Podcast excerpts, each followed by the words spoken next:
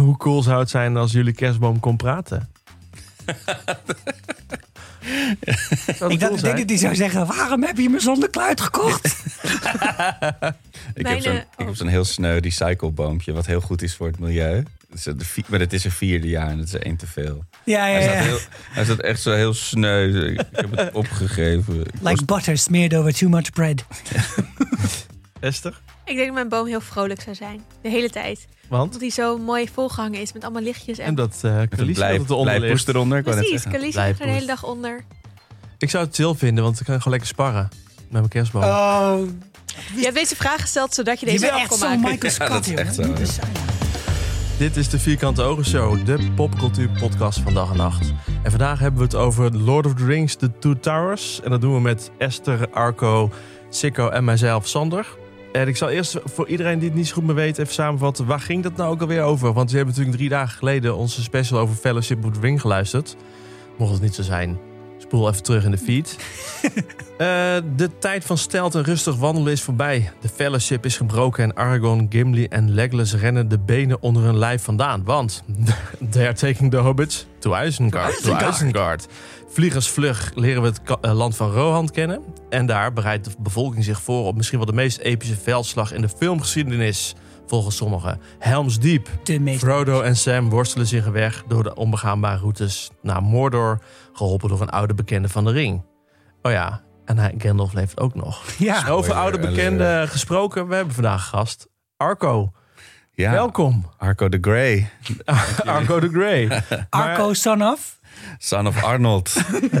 Echt waar? ja. Klinkt, dat zou zo kunnen, Ja. toch? Ja. Dat zou echt wel cool ik ben zijn. Sikko son of Dirk. Sander, son of Adri. Adri. Jij? Esther Son... Son. Dat patriarchaat, het hangt erin. En ik zat nog te denken, ik wil mijn moeder zeggen, niet mijn vader. Esther, daughter of Angelique. Maar eigenlijk is Esther, daughter of Godfried. Dat is wel nog een meer Godfried Lord of naam. Ja. En we hebben het bij de fellowship gehad over eerste dates, over posters van Aragorn, over de Piet Snot feestdingen waar Sikkim een ring heeft geko- gekocht. Arco, wa- waarom ben jij fan? Ten eerste ben ik heel vereerd om hier te zijn. Ten tweede, fantastisch dat we het over een deze week precies 19 jaar oude film kunnen hebben. Eh, ik weet niet of dat aan de backlog van eh, Vierkante Ogen ligt. Of aan de epischheid van deze, van deze film. Dat, Beiden. dat je hem gewoon rustig 19 jaar later eh, kan gaan bespreken. Ehm, ik, eh, heb, heb ik mezelf hier eh, voor aangemeld heel enthousiast? Ik weet dat niet meer hoe dat is gegaan. Ik denk wel dat toen ik zei, we gaan misschien Lord of the Rings doen, jij meteen zei, daar moet ik bij zijn. Ja, en dat is dan toch het nabijheidsprincipe. Want eh, dat kunnen zoveel mensen roepen. Maar misschien helpt het dan toch als je de hoofdredacteur van Dag en Nacht bent. Maar Ja, ik zit hier niet als de Omdat hoofdredacteur van een Dag en derde Nacht. van jouw baan bestaat uit ik doe mee, Ja. want dit is cool. Nee, maar je zit ook in de hitpodcast, kunnen we inmiddels wel zeggen, Alle Geschiedenis Ooit. Waar jij ook vaak jouw kennis over militaire zaken tentoon probeert te spreiden. Precies, ja. En dus- die, die zal ik ook zeker projecteren op, eh, op de film van vandaag. Want er zit genoeg militaire eh, wapengekletter in. Eh, maar ja, wat ik zeg, ik ben hier niet als hoofdredacteur van Dag en Nacht. Vertel even, waarom ben je fan? Lord of the Rings fanboy. Ja, het is, eh, het is begonnen toen eh, met mijn beste middelbare schoolvriendschap eh, begon met Niels. En Niels had een oudere zus, Vera. Eh, en die was een paar jaar ouder en zat op het gymnasium. En die had op de deur van haar tienerkamer eh, een, een mens, mensgroot poster van eh Gandalf. Aragorn. Oh. Nee, nee, dit was, dit Van was Gandalf? ja, dit was begin jaren negentig. Het was echt zo'n zo'n zo'n poster die ook in de koffieshop kan hangen. Weet je wel? Dus zo'n zo'n artist drawing, zo'n artist impression. Oh, met zo'n huilende wolf erachter. Ja, precies. Maar dan met, met Gandalf erop. En ik zei zo, ja, wie, is Van de dat? expo. wie, is die, wie is die tovenaar? Dus keek ze me allebei aan zo...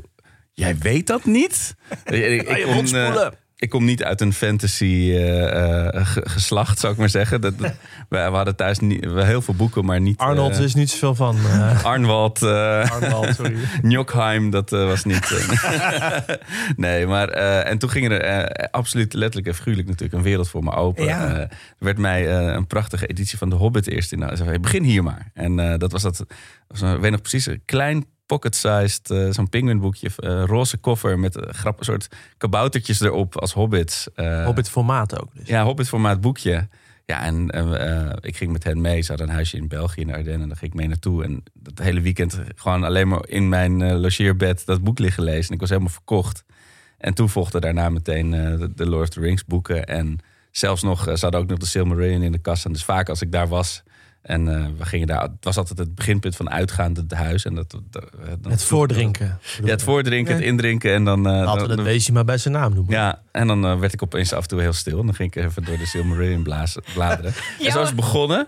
En, eh, maar Maar het, toch het een heel was... ander verhaal verwacht bij de drie jaar oudere zus van mijn Ik, vriend. was, ik denk, die is, die is getrouwd met Vera. Ik zit te wachten op die clue. Ja. Nee, nee dit, is, dit is wat, ik, eh, wat zij mij heeft gegeven. En daar ben ik wel heel blij mee. En, eh, Oké. Vera, als je luistert, je hebt hiermee dus je kans verspeeld. Je hebt hem een totaal verkeerde richting ingeduwd met een of andere oude bejaarde in een, in een pij.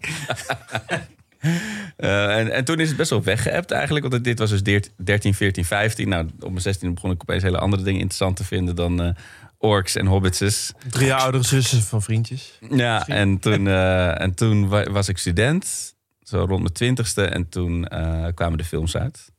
En alle drie de films ook op première, premièreavond gezien. Toen was net Pathé de Munt hier in Amsterdam open. Dat is niet een hele gezellige bioscoop. Maar dat is dan de associatie die ik er helaas mee heb. Maar toch. Eh, en de derde film heb ik ook echt gezien. eh dat was toen een heel evenement. En dan begon je, de, de extended versies kon je zien, back to Oh, back. Ja, ja. En dan met de première van de derde film was dus echt Middernacht. middernacht eh, kwam hij dan. Eh, eh, Zo, en dan moet je Dus, nog... even de- dus jij bent om een uur of drie begonnen in de Ja. bioscoop? Ja, hoe en het cool. was wel cool hoor, want en het evenement werd dus ook gesponsord door Red Bull. Dus ik zat helemaal te stuiteren op een gegeven moment in die stoel. zo. Ik zat helemaal strak. Ik heb dit ook gedaan met Harry Potter. Toen Oh ja, ik precies. 26 uur in de bioscoop gezeten. Stinkend en wel. Ja, je, je gaat wel stinken inderdaad. En dan kwam ik om vijf uur 's ochtends of zo kwam ik die bioscoop uit. Heel apart gevoel, maar je hebt wel het gevoel dat je iets... Het maakt het Ja. wel extra bijzonder, de hele hoeveel nu- mensen waren verkleed? Ja, heel wat. Best vet, hè? Ja, het was echt wel eh, LARP, eh, LARP heavy. En had je dan ook bij alle momenten die dan heel erg episch waren, dat iedereen ging klappen en staan? Ja, zeker. Maar ook wel een- twee momenten dat mensen echt eh, even uit die... eh, ehm, ehm, De bubbel. Eh, suspense of disbelief raakt. En daar zit er ook een van in, de, in deze film. Dus dat wil ik ook nog wel even bespreken. Waren dat die Arwen momentjes dat mensen even gingen pissen? Ja. Toch? Dan ga ik altijd pissen. Dan lopen, Of dat je even bitterballen maken of zo. nou, ik moet zeggen, want dat is een volgende eh, stap hierin. Ik ben, op een gegeven moment ben ik eh, drie op reis gaan doen, het reisprogramma. En wat ik heel vaak deed in het vliegtuig was eh, de audioboeken luisteren. Eh, deels omdat het gewoon heerlijk is om te luisteren, maar ook je kan er gewoon bij Ja. slaap vallen. Of de, of de soundtrack. Behalve het eerste nummer van de soundtrack van deze film. Dat is keihard. Dat werd ik altijd even wakker. Eh, skip. Is het eh, de tekende Hobbes de IJzengard?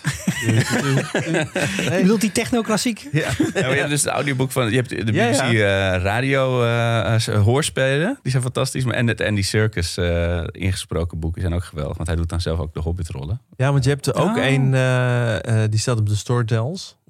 Daar worden ook alle liederen gezongen. Die dus Oh ja. Die, eh, ja, die net heb ik ook een keer Tom- eh, als gedownload. De, de Tom Bombadil. Dat Ja. is een, eh, een figuur die wel in het boek zit, maar niet in de film. Ja. Die zingt alleen maar. En dan zit je dus ook de halve avond te luisteren naar alleen maar zingende mensen op, eh, in je luisterboek. Wel cool. Dat klopt. En, toen, en mijn laatste drie op reis ging naar Nieuw-Zeeland. En toen Ah. heb ik natuurlijk onderweg... eh, heb ik hem op zo'n... Dat kan er helemaal niet, deze film, op vliegtuigschermpje kijken. Maar het moest... Want Air New Zealand had dat Ja. natuurlijk. Dat is eigenlijk het enige wat je Als kon je heel kijken. dichtbij gaat zitten, dan is het ook. Ja, Nee, maar Nieuw- Nieuw-Zeeland heeft voor mij altijd zeg maar, één ding heel erg ervoor spreken en één ding ertegen. Namelijk het ervoor is dat die films daarop zijn genomen. Dat je, dat je ergens voelt dat moet een fantastisch eh, soort dus een fantastische plek op aarde zijn. En het andere is dat het Nieuw-Zeeland heet. En dat je dan dus ook denkt van nou het zal ook wel weer meevallen. Nou, gaan we nog een dagje naar Vlissingen. Ja, Een nieuw Do you have bolussen? maar is, is het de moeite waard om, de, eh, zeg maar, om vijf jaar eh, carbon footprint eh, uit te kakken in een vliegtuig om Oh, daar je naartoe te bedoelt gaan? om eh, drie keer de trilogie in het vliegtuig te zitten. Precies. Ja, precies. Ja, nee, als, je, als je er even blijft, dan is dat zeker de moeite. Ja, als Ja? Je er, eh, het, het, het is voor een weekendje citytrip Wellington zou ik het niet doen. Maar he- Maar, heb je ook de tours gedaan? Ben je naar de plekken geweest? Naar, eh, nou ja, we, en hadden we, we reisden zelf rond, maar we- eh, ik was eigenlijk een beetje de tourguide. En, maar het jammere voor mij was dat de andere reisgenoten niet heel erg... van- Ik zo, kijk, en daar is dit opgenomen. Iedereen zo, nerd, weet je. Unentrusted fellowship. Dus die heb je Maar- in een vulkaan gepleurd, Ja, nou, het, het, het, deze collega's. Het mooiste moment voor mij was toch wel waar als, eh, een helikopter of helikoptershots langs de- een paar van de bergen. Echt eh, twee centimeter van die bergen, daar kon ik dan niet zo van genieten, maar dat vond ik een beetje eng. Maar ik had op een gegeven moment wel dus de, de, de soundtrack opgezet Mm. op mijn oortjes, Nice. terwijl ik daar langs lag. Ja, toen was, was mijn nerd, mijn fandom was wel echt klaar. Alsof je die beacons zo... Ja, maar echt, dat, dat moment inderdaad, dat, dat- daar vloog ik dan langs. Nou, wij zijn Ja. ook vereerd dat jij er bent. En zeker met deze prachtige verhalen. Toch? Ja, ik kijk, Kijk kijk even- uit naar een de uur podcast. Ik heb er veel zin in. Hey, de Two Towers, voor we eraan beginnen. Wat vonden jullie ervan? Ja, dit is dus mijn favo film. Het is echt mijn kutste film. Ja, jezus, hoe kan dat nou? Laat, laat nou even. Nou, het is mijn favoriete film. Ik vind dat er heel veel... Ze zijn natuurlijk allemaal fantastisch, maar alles bij Rohan vind ik leuk. En Mm. goed en vet en, en troostend of zo op een manier. Als die muziek van Rohan opkomt, dan word ik al Mm. blij. Ik weet ook niet precies waar, waar die associatie zit, maar... Het is het Brit Dekker Koninkrijk. Lekker veel paarden. En lekker veel paarden. Ja, ja, dat jullie is het, hè? weten hoe erg ik van paarden hou. Dat heb ik heel vaak in deze podcast natuurlijk al kunnen vertellen.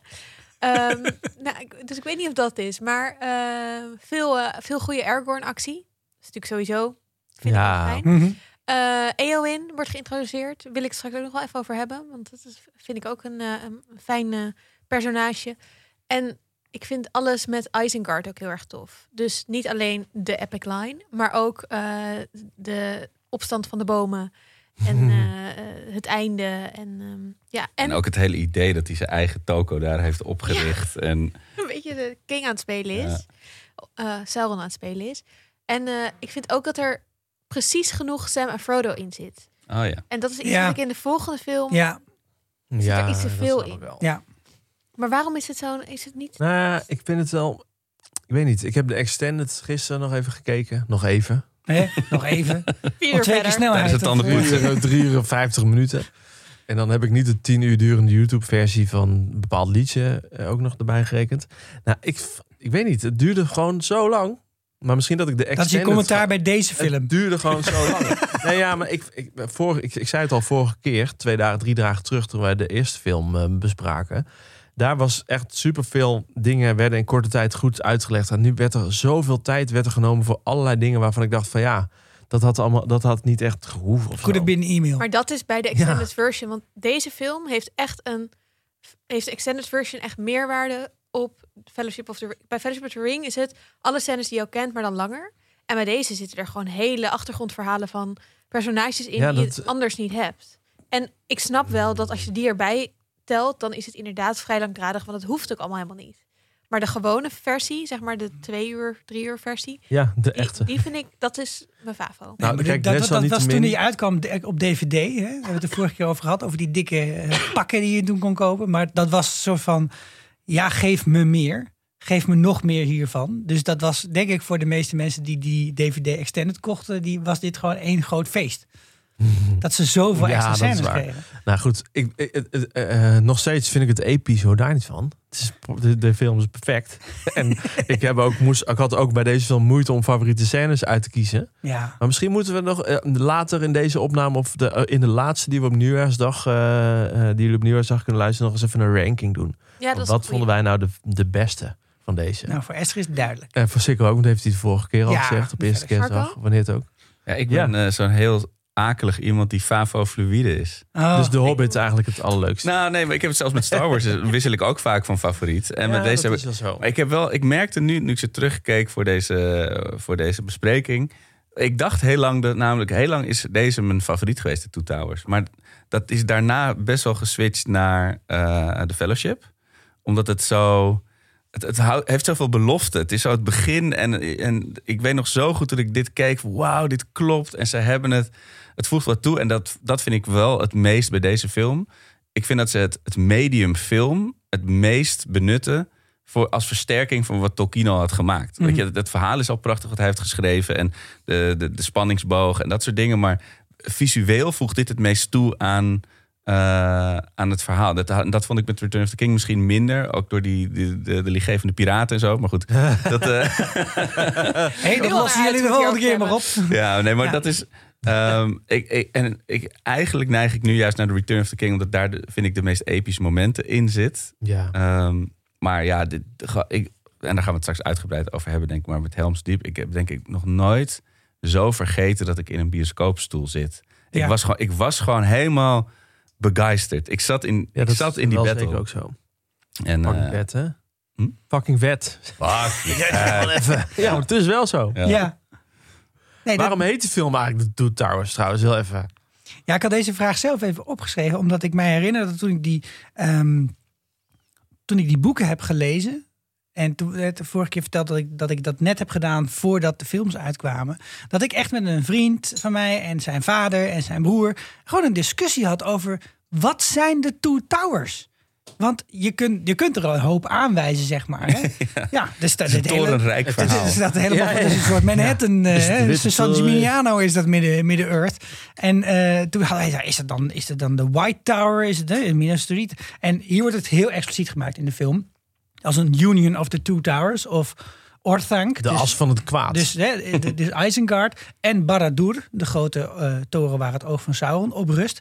Dat is de Union waar het over gaat. En dat is, dit is dus eigenlijk de film waar de shit aan is.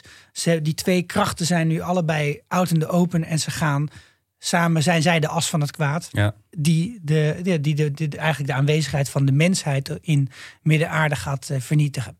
Ja, het is ook wel goed. De twee verhaallijnen, eigenlijk hoofdverhaallijnen die er lopen, is eentje Sauron die eh, Rohan gaat aanvallen. Ja. En de ander Sauron die zijn oog richt op Sam en Frodo en de ring te pakken probeert te krijgen. Dus eh, die, twee, die twee torens die zijn ook allebei een soort van de twee lijnen, vind ik. Ook niet, zo heb ik het geïnterpreteerd Ja. ja. van het verhaal. Nou, ik dat, weet is, nog- ja. dat is ook de grote uitdaging geweest om van de boeken een, een film te maken. Hè. De Two Towers, de film, is eigenlijk van alle drie de films het minste boek. Ja. Want de, de- ze Ook pakken nog een, eh, het, het staartje met waarin Boromir doodgaat. Dat zit wel in het tweede boek. Eh, maar dat hebben ze in de eerste film gezet. Maar verder en hebben ze een heel groot gedeelte van Sam en Frodo hebben ze naar de derde film verbannen. Dat heeft ook gevolgen voor die derde film. En de, ze hebben de rest wel een beetje gecomprimeerd in deze film om die, om die boeken hierin te stoppen. Maar dat zijn twee boeken die in eh, de oorspronkelijke boekenvariant. Dus beginnen met het hele verhaal met Helm's Deep en met eh, Aragorn, et cetera. En dan krijg je boek 4 en dan krijg je van. We gaan even een paar weken terug. En we doen het hele verhaal van Frodo en Sam. En dat is echt ook. Het boek 4 is echt een dik boek. Het duurt erg lang. Dus dat is wel een momentje ook om misschien af te haken als je het boek leest. Maar ze hebben dat dus hier real-time met elkaar versneden. En dat levert heel veel hele mooie eh, spanning op, denk ik. Maar het levert ook wel problemen op voor de film, hier en daar. Die ze dan weer heel slim op wisten te lossen vaak. Maar dat, dit is denk ik wel de kracht van dat scenario schrijven geweest. Hoe je die fucking boeken in godsnaam in een film krijgt. ja. In ieder geval door de tijd ervoor te nemen. Nou, het, het is natuurlijk heel lang is het ook een, een, eh, een Mission Impossible geweest Ja. in, in Hollywood. Weet je, de Beatles wilden het gaan doen, maar dat is niet doorgegaan. Dat is wel fucking geniaal. Ja. We zullen een musical van maken. Of wat, eh, Waarschijnlijk was het wel echt een soort hele weirde Yellow Submarine met animaties, Monty Python-achtig geworden, denk ik. Nee, maar dat heeft heel lang, eh, heeft het inderdaad, het was de, de Holy Grail, weet je wel. Wie gaat hier iets mee doen? Sauron die Get Back zingt tegen de ring. Oké, nee, nee, ga nee, nee, sorry. En toen heeft op een gegeven moment heeft eindelijk heeft eh, Miramax van de Weinstein Brothers heeft het gekocht, de rechten erop. Eh, alleen dat was toen al van Disney. Dit is van The Weinstein. Ja, nee, niet, uiteindelijk dus niet. Want eh, zij hadden het gekocht en ze, zij, ja, ze hadden het budget was wat, 100 miljoen nog wat of zo. En, maar ze hadden niet zoveel tekenbevoegdheid gekregen van Disney, die dus de eigenaar van Miramax was. Dus Disney zei, ja, dat ga je helemaal niet doen. En toen zei ze, ja, maar dan maken we er twee films van. En, en toen begon die, eh je had Bob en Harvey Weinstein. Volgens mij is Harvey is de, is de MeToo-engert. Maar Bob die ging zeggen, nee, ja, nee, we gaan die, die hobbits, die, die gaan het einde niet halen. We maken er twee films van en eh, Tarantino gaat het regisseren. Dat dreigt er helemaal mis te gaan. Oh nee. Zoveel bloed. Ja, ik had, het, ik had het wel willen zien, maar niet in plaats van. Eh, en toen, dus eh, de, de gasten rond Peter Jackson's eh, agents, die zijn zich natuurlijk de pokken geschrokken. En die zijn, toen zei Harvey Weinstein, nou ja, dit gaat waarschijnlijk niet gemaakt worden alleen op onze manier. eh, voor een laag budget met al onze regels. Maar je hebt drie weken om een nieuwe koper te vinden, om, om het over te kopen. En als je dat niet lukt, dan gaan wij het op deze manier doen. En toen hebben ze dus als een malle iedereen aangeschreven. En toen was er dus een upstart, New Line Cinema. En daar zat een grote fan van Peter Jackson zat daar. En die zei, ja, is goed, we gaan het doen. En eh, nee, we gaan gewoon drie films maken. En eh, neem alle tijd eh, die je wil. Gaan we lekker in Nieuw-Zeeland zitten, waar dan kunnen ze er niet mee bemoeien. ja, dat- En als ze wel willen bemoeien, doet het 26 uur vliegen. ja, precies. En, eh, en Harvey Weinstein en, ik. Bob Weinstein, die waren natuurlijk woedend. Dat, dat, they called their bluff, weet je. Maar dat is gewoon gelukt. het resultaat mag er zijn. Het, het Het rest- resultaat mag er zijn. ja, Fucking mooie films. Ja, nee, go New Line. Maar er was toen best met de Two Towers best wel veel over te doen, weet ik nog. Want het was dus elf maanden na eh, 9-11 kwam hij uit. En tijdens de Oh, productie ja. is er Ja. nog heel veel, zeker in Amerika, over de titel te doen geweest. Want het kan niet, het is niet kies, dat moet je, Oh. moet je veranderen. Dus ja, het staat op zich in de boeken, weet je wel. Dat- Op zich is het niet heel gek als ze dat gebruiken. Er was echt een enorme rel nog over. Hey, tijd om naar de film te gaan, jongens. Oh ja. If we go south, we can slip past Saruman unnoticed. The closer we are to danger, the further we are from harm. It's the last thing he'll expect. Favoriete scènes? Jij begint, Sikko. In The Dead Marshes. Ja, Dat is eh, dus in principe het begin van boek 4. want waar stopt het eigenlijk Ja, bij Fellowship? Frodo en kort. Sam die hebben een bootje gepakt. Sam is acht meter onder water gekomen en Frodo heeft hem gered.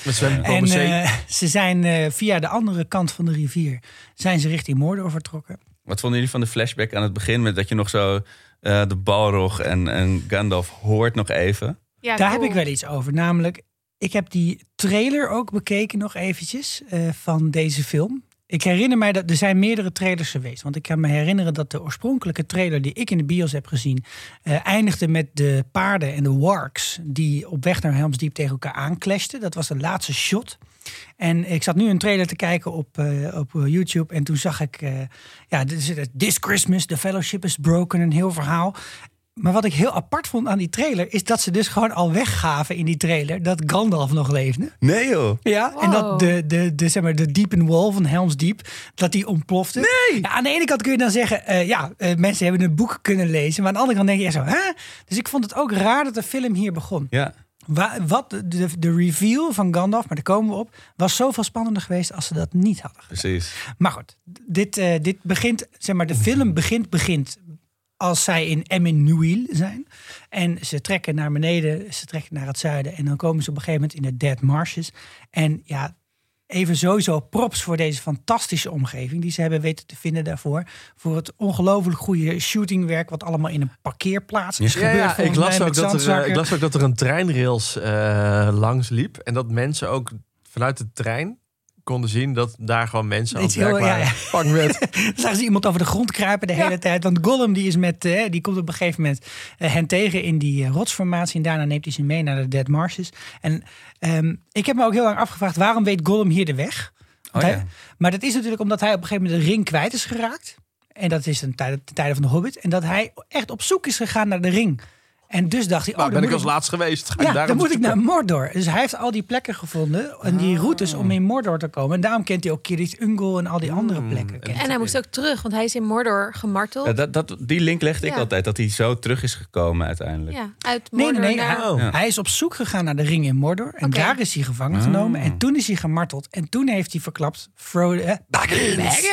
Shia. Dus dat, dat is het verhaal daarachter. En dat, We hebben YouTube niet je, nodig. je krijgt hier eens. die... die Nice. Je krijgt echt twee scènes zo heel kort op elkaar... die ik allebei gewoon ongelooflijk spannend vind. Die volgens mij, wat jij net al een beetje zei, Esther... die, die precies het juiste hoeveelheid eh, gebruiken eh, eh, van, van, van de- deze storyline om een fantastisch verhaal van te maken. Namelijk dat moment dat hij staat te kijken naar een dood lichaam in het water en dat hij dus die ogen open doet De Elven Prince. en dat die wit zijn en dat hij zo duk naar voren valt. Oh, Vind ik zo ongelooflijk spannend. Nou, ik keurde bijna van de bank af hoor. Want ik Ja? dacht, oh ja, fuck. Nou, gewoon dat dacht ik. Ja, ik dit is- schrok gewoon echt. ik was best wel jong toen ik deze film zag. En ik vond dit ook echt heel erg eng. Ja. Echt eng.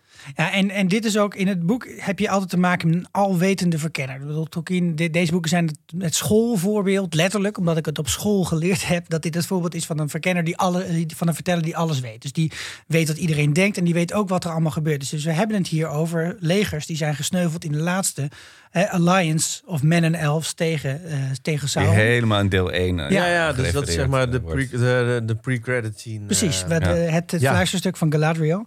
Maar wat daarnaast zit, vind ik, vind ik misschien nog wel spannender... is dat ze eigenlijk met z'n drietjes door die, eh, door die moerassen heen aan het eh, slenteren zijn. En dat dan op een gegeven moment Rachel Wings komen. Ja. En dat is zo freaking eng.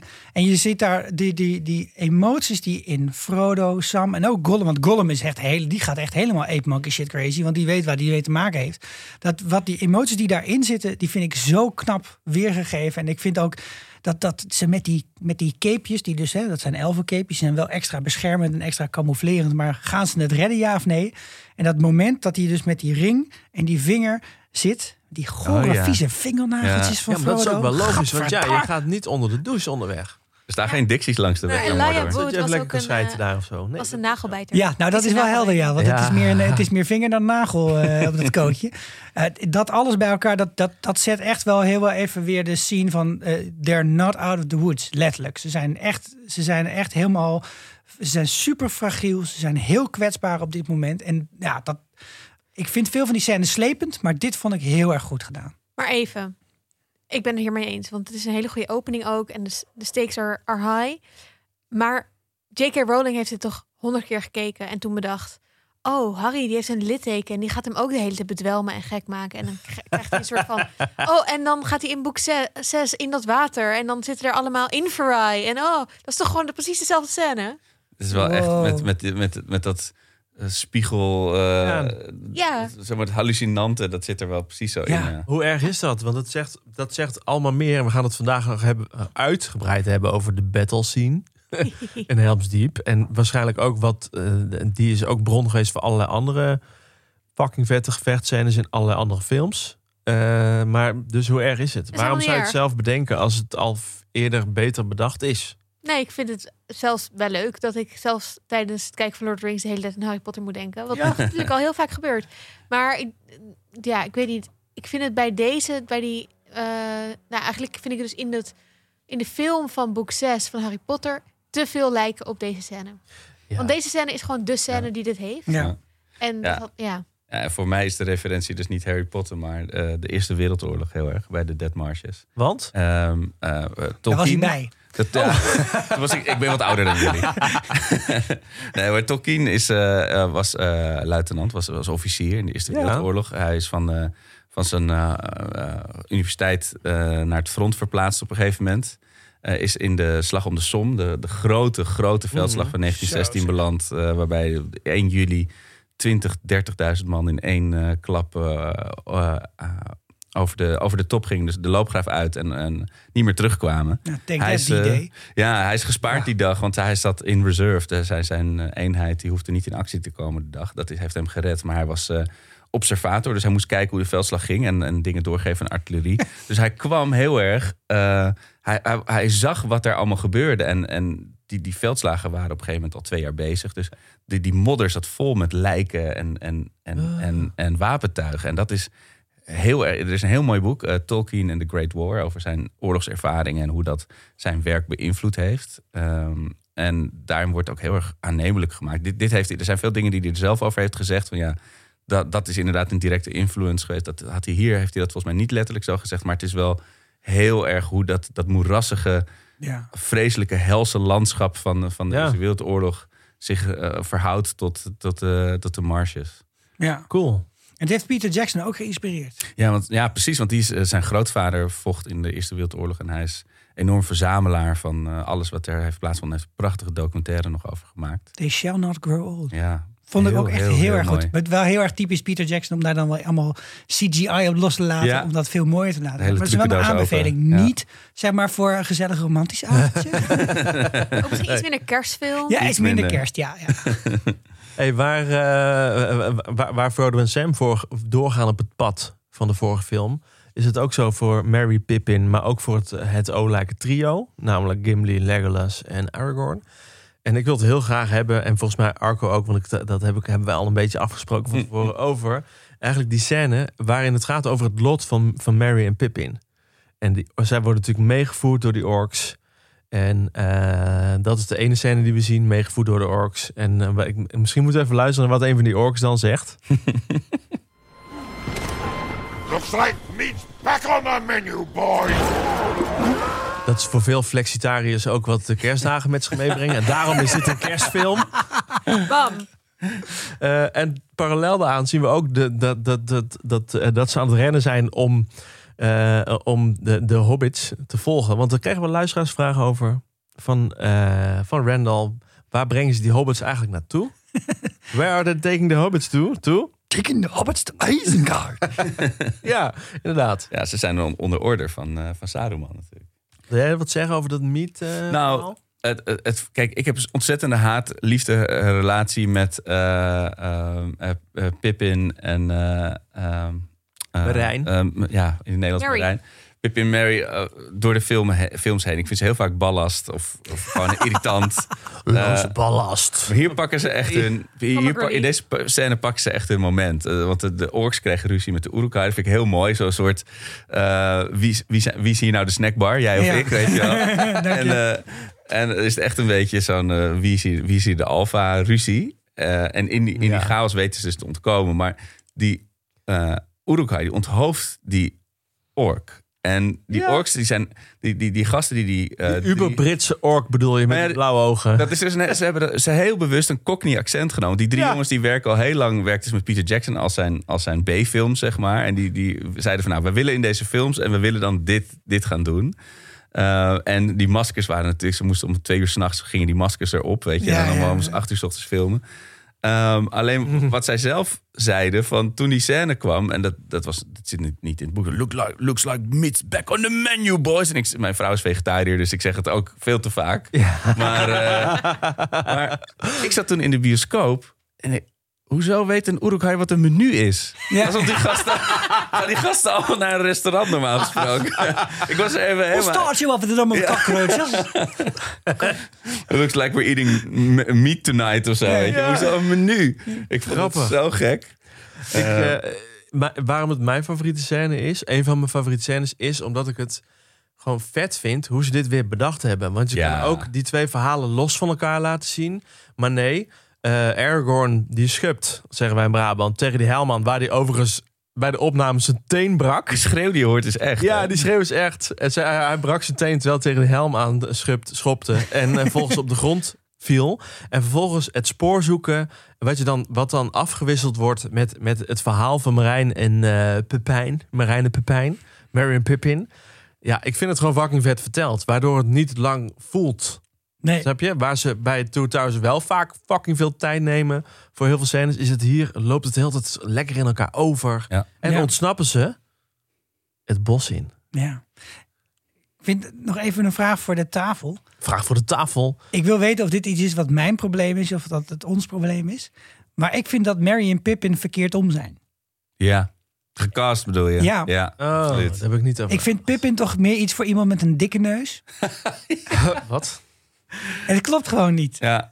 En, en da- dat, dat stoort mij eigenlijk in het kijken van al deze ja. films. En ik heb Mary er heeft nog ook nooit over nagedacht. Ik ook niet. en Mary heeft heel erg een punchable face, zoals ze dat in het Engels noemen.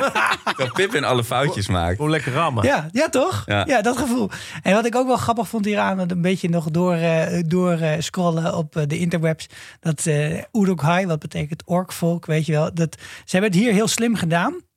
Dat, eh, het is al niet zo makkelijk te volgen. Het zijn allemaal gewoon eh, zeg maar, eh, heel vreemde wezens. En In die het zijn donker slecht. vaak. in het donker. Maar ze hebben die Uruk-hai hebben ze echt helemaal aan Sauron gegeven. En ze hebben de orks helemaal aan Sauron gegeven. En daarom kloppen die ruzies ook steeds wel. Maar dat is in het boeken helemaal niet aan de Nee. hand. Zeg maar, er wordt Nee. een beetje een soort hè, door elkaar heen gebruikt. Het is net of twee bedrijven met elkaar fuseren en dat dan van het oude twee bedrijven... Dunder Mifflin en Saber Ja, ja, ja, zo samen. Ja, nou, maar hè, de ik- ene maakt printers Ik was en de erbij toen. BNN Vara fuseerde. Ik ben benieuwd wie de Waren wie de orks.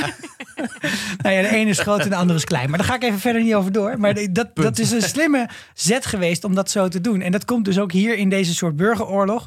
Komt dat supergoed naar boven. Echt knap gedaan. Hey, en, en dan gaan ze vluchten dus het bos in. Eh, ondertussen eh, vluchten eh, Gimli en Aragorn en Legolas ook het bos in. En daar komen ze iemand tegen, Esther. Ja, dat is mijn, eh, een van mijn favoriete scènes. En wat, wat vet hieraan is ook dat we eigenlijk even terug... Of we gaan niet terug in de tijd. Ja, we hebben een soort flashback naar wat er gebeurd is met Mary en Pippin. Ehm, die hebben dan al hun avontuurtje. Die hebben de White Wizard al ontmoet. Die zijn inmiddels met Treebeard ergens in het bos aan het lopen. En dan zien we nog dat Aragorn, Gimli en Legolas de White Wizard ontmoeten. Mhm. En daar wil ik wel even een eh, fragmentje bij laten horen.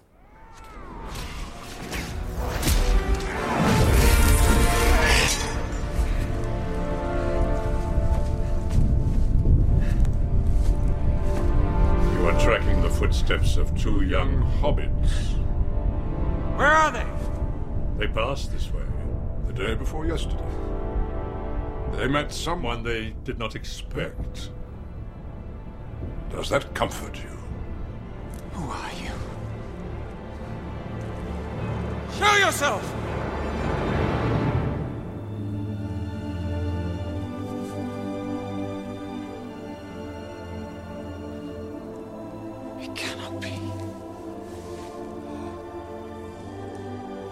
Forgive me. I mistook you for Saruman. I am Saruman.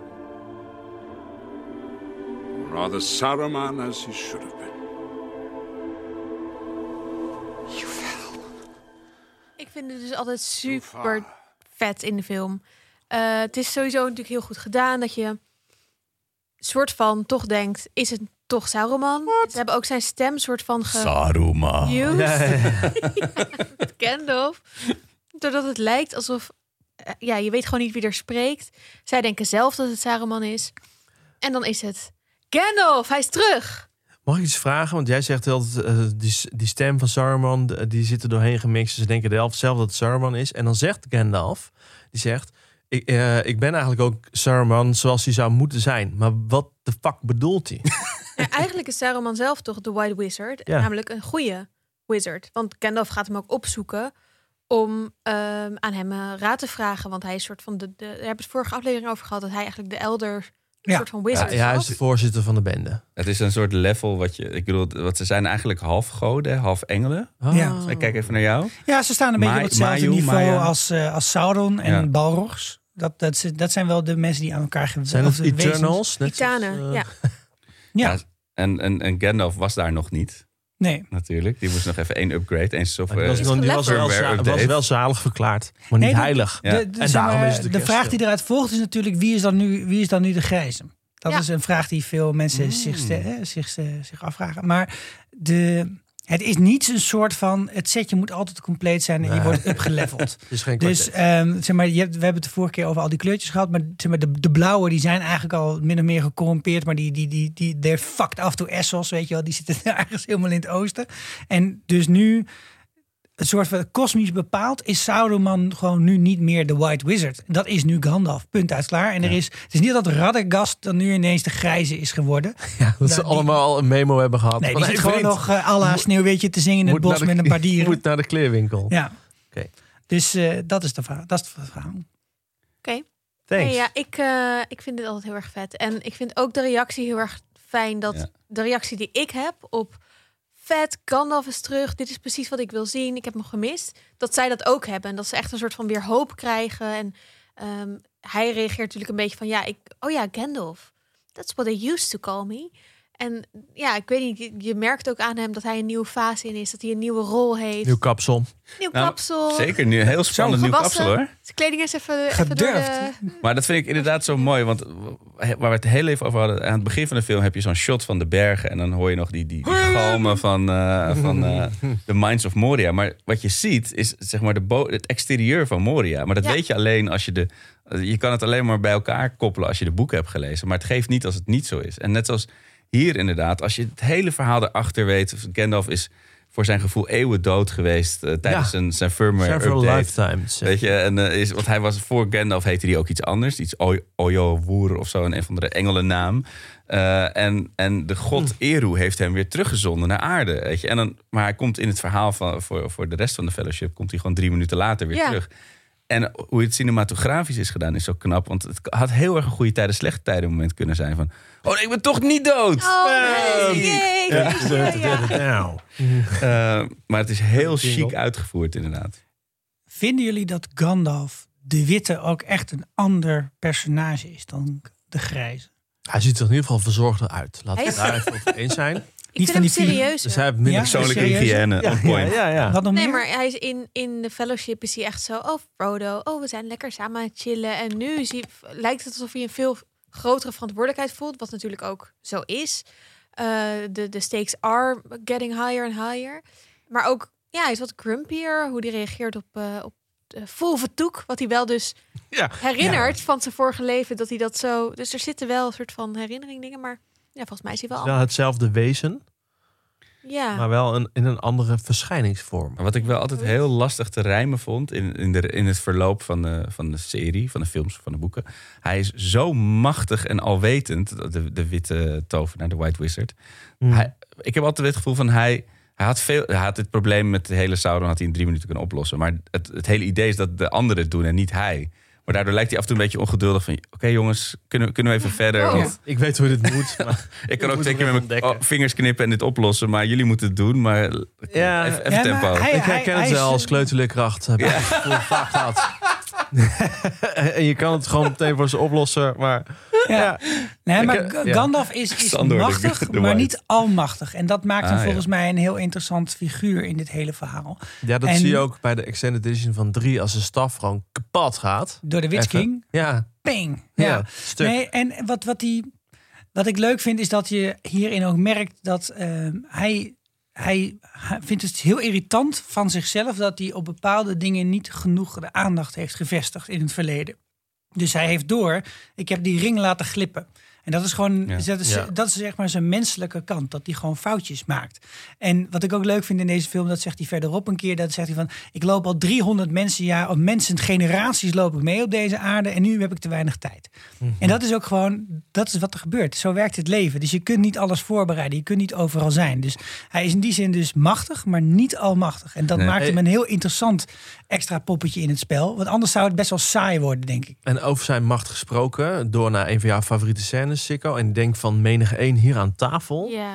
Eh, want er gebeurt natuurlijk van alles. Ze worden aangevallen door van die gekke honden. Toch? Dat gebeurt tussendoor. Ze gaan al, uiteindelijk gaan ze naar Rohan. Nee, dat is nog En- niet. Hij Dat moet eerst niet. nog even naar Niet. Theoden. Oh ja, sorry. Ze komen Ja, dat uit het bos met z'n in de, ik vieren. ben in de war. Dan fluit Gandalf een paard naar zich toe met een heel lang... Ik moet heel denken Mozilla Firefox, maar zo heet hij niet. Nee, Shadowfax. Ja. En dan eh, gaan ze zo snel als ze kunnen naar Edoras. En eh, prachtig vormgegeven, zo midden op een heuvel. Heel erg mooi eh, vikingachtig met zo'n palissade eromheen. Is dat de hoofdstad van Rohan? Dat is de hoofdstad. Daar staat de Golden Hall of Meddelcelt. En daar is Theoden helemaal gecorrumpeerd door Grima in de film. En eh, iets meer in het boek door, door Sauron Ja. zelf. En dan komt hij binnen in die zaal. Moeten ze eerst al hun wapens bij de deur afgeven. Je zag dat er al wel een stukje van eh, zeg maar het antiterrorisme was erin geslopen. dus ze moeten eerst langs de poortjes. En dan loopt hij zo heel mooi met die eh, staf. Die heeft hij recht vooruit in plaats van rechtop. Waardoor het niet, opgeval, waardoor het niet opvalt. En dan mengt Grima Wormtongue zich toch van... Hè, I told you to take the wizard staff. En die stapt ervoor. En dan hebben we dit prachtige fragment van Gandalf. Late is the hour in which this conjurer chooses to appear. Last spell I name him. Ill news is an ill guest. Be silent. Keep your forked tongue behind your teeth. I have not passed through fire and death to bandy crooked words with a witless worm. Stop. I told you to take the wizard staff. Dit fragment, ik weet misschien heb je dit wel eens in het normale leven, zeg maar, dat je, dat je een hele zware week achter de rug hebt. En dan komt er nog iemand voor je staan met een of ander kakprobleem. dat je zegt van, ik heb niet dit alles doorstaan om hier bij deze bonuskaart of zo, of dat, dat hierdoor gestopt te worden door de ene. En de dat, paarse krokodil. dat is, dat is heel erg. Hè? Dus, en, en dat vind ik gewoon mooi dat Gandalf zegt: Ik heb hier, ook, ik heb hier gewoon geen tijd Ja. voor, vriend. en dat hij vervolgens doorgaat om Theoden gewoon even van zijn spel te ontdoen, et cetera. Ik- Deze scène in zijn geheel is gewoon alle goede acteur, eh, acteurs bij elkaar. Dit is ja, stage acting, alles. Dit, dit heeft het gewoon voor mij. Dit Ja. is heerlijk. Echt. Dat is Eeuwen ook een van de meest vette scènes ever. Ja. Ook een van de meest gebruikte memes, denk ik, op 9gag en zo. Toch? You have no power here. Je hebt no power. Ja. en dan gaat hij zo gek zitten lachen. ja. Maar het is zo, het is oh, oh, hoe ze dat visueel hebben gedaan, dat hij echt zo met het beschimmelde hoofd van hem. En, dan, Ja, en dat hij dan toch weer terug verandert met, met een kleine oil of olaas. eh, ja, ja. Een snuifje. Ja. Zo vet. Ik vind hem ook echt zo. Theoden is sowieso fantastisch. Ja. Eh, misschien nog wel meer over hebben, maar hij is echt zo'n Shakespeare-koning. Ja. Vind ik. Is echt Goed Je gedaan. krijgt ook veel Shakespeare tekst. En kapitein van de Titanic. kwam ik dus onlangs achter. Glorierol. Er zijn overigens wel slechte shots. Zeg maar, als je hem net uit de verkeerde hoek Ja. kijkt, dan lijkt hij ook wel een klein beetje op eh, de Tiger King. Oh, Valt mij op. En uh, nou ik dit heb gezegd, gaat dit niet Ik meer wil uit niet Theoden King, maar de Tiger King. Mooi. Oké, wat gebeurt er hierna? Want Ja, wat gebeurt er hierna? Dan moet op, zo snel mogelijk moet Theoden overtuigd worden van dude, de eh, shit is wel aan de knikker, Ja. zeg maar. En de je shit moet, eh, hit the fan already. Ehm, Dat is in het boek niet zo, maar Eomer is ook met de Rohirrim op pad. Dus eh, er wordt eigenlijk een soort splitsing gedaan. Gandalf gaat op zoek naar de Rohirrim en Aragorn, Gimli en Legolas gaan samen met de hele kliek richting Helm's Diep. En dat moet, ja, dat moet zo snel mogelijk gebeuren. Want anders dan, ja, je hebt gezien, ze hebben alleen maar een soort houten palissade om Edoras heen staan. Dat is niet de plek om te gaan zitten. Ja, met brandende pijlen is het allemaal zo opgelost. Nee, maar ze hebben wel een verschilletje. Want Aragorn zegt, we moeten gewoon ride into battle. We moeten ze gaan aanvallen op het veld.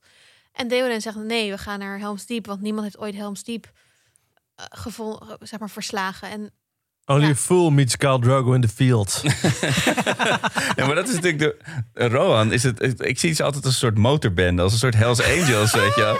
Zij moeten gewoon on tour zijn op hun paard. weet je. waarom ga je naar Helm's Deep? De Dat Hells ik Angels, als zij zich verschuilen in een, in een McDonald's, dan zijn ze niks. Weet je. Die moeten Zo gewoon... zat hij daar eigenlijk. Lekkere leren die vestjes. scène, die fantastische scène die je net omschrijft. Van dat ze dan, want eh, eh, eh, Gandalf loopt dan zo naar Theoden. En dan parallel aan hen lopen er ook een paar van die schimmige figuren in van die leren ja. hesjes. En ik moet Ja. dan altijd aan van die motorbendes denken.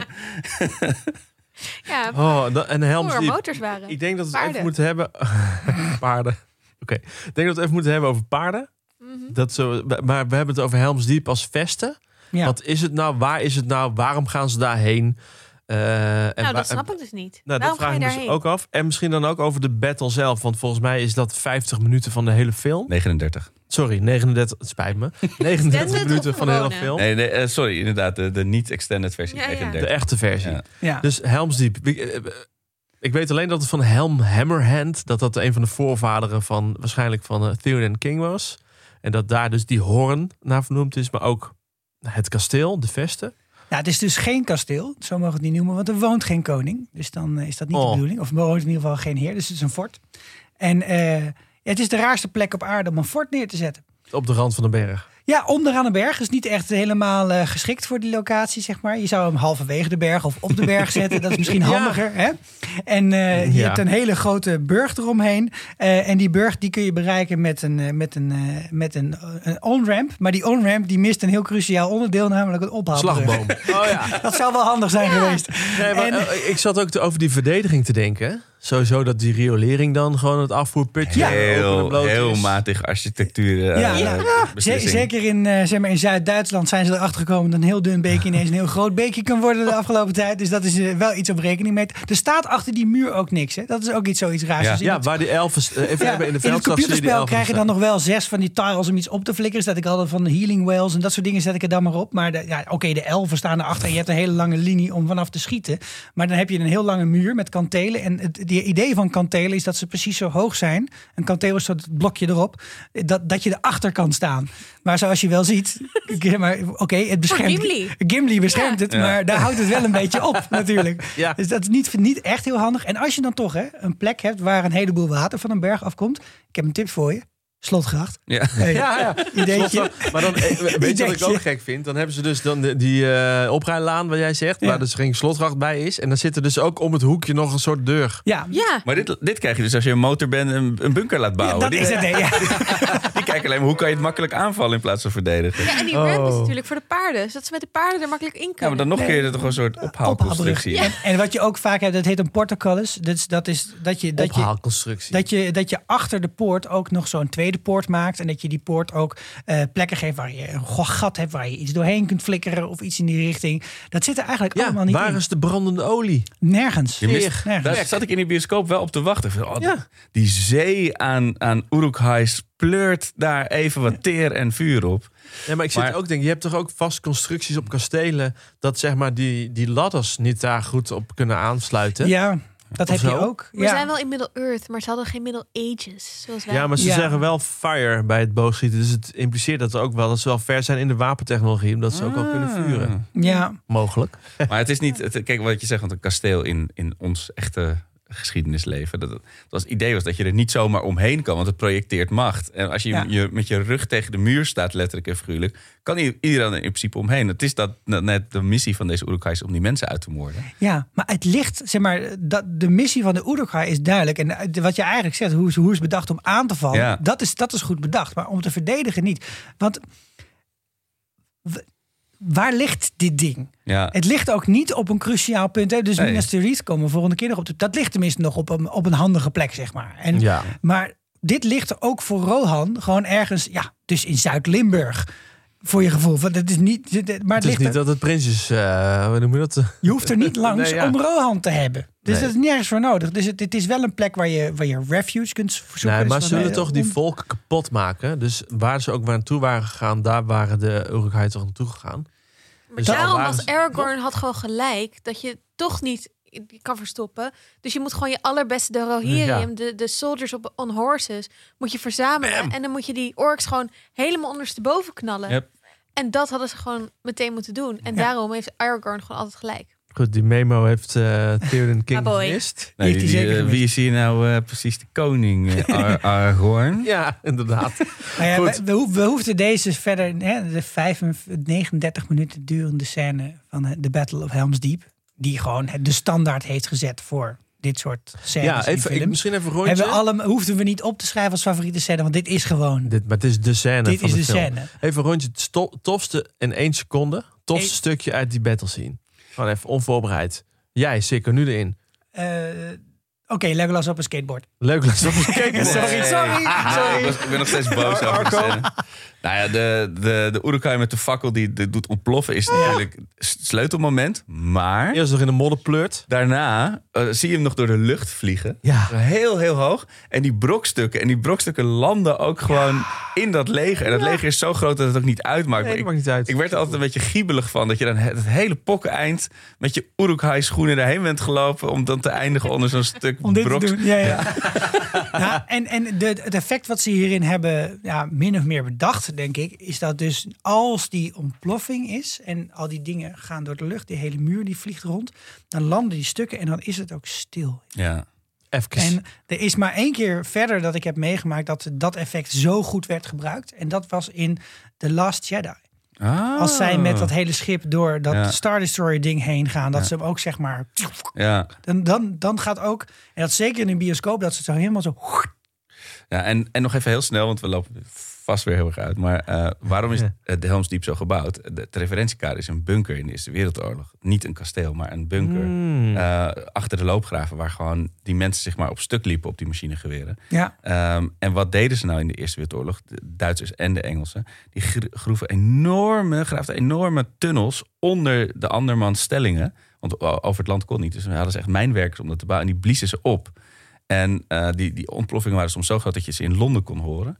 Eh, die- zo hard wow, was het. ja. En dan was er ook inderdaad altijd even een stilte. Zo van ondermijnen. ondermijnen, ja. Ja. Onder mijne Esther, vetste scène, een stukje scène uit de Helm's Deep Battle. Eh, mijn favoriete momentjes daarin zijn de rustige momentjes die niet keiharde clash battle zijn. En dan vooral dat eh Theoden denkt dat het alles, alle hoop gone is. Ja. En zegt, Mhm. het heeft geen zin meer. En dat Aragorn dan zegt, fuck it, kom, wij gaan naar buiten. We rijden, Pull yourself we rijden er in. man. En dan zien ze ook nog eens de zon opkomen. En dan denkt Aragorn, Wat? Gandalf. Rift Day, look Ja. at the, the Look break at of the dawn east. of zoiets. Ja. Ja. En dan komt Gandalf, oh my god.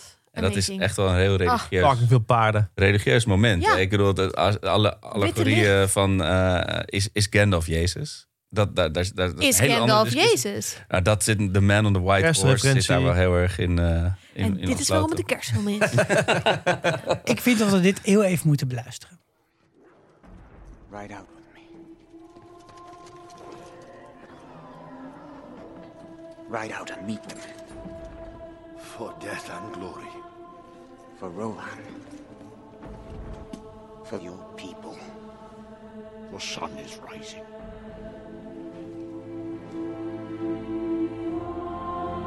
Look to my coming at first light on the fifth day. At dawn, look to the east.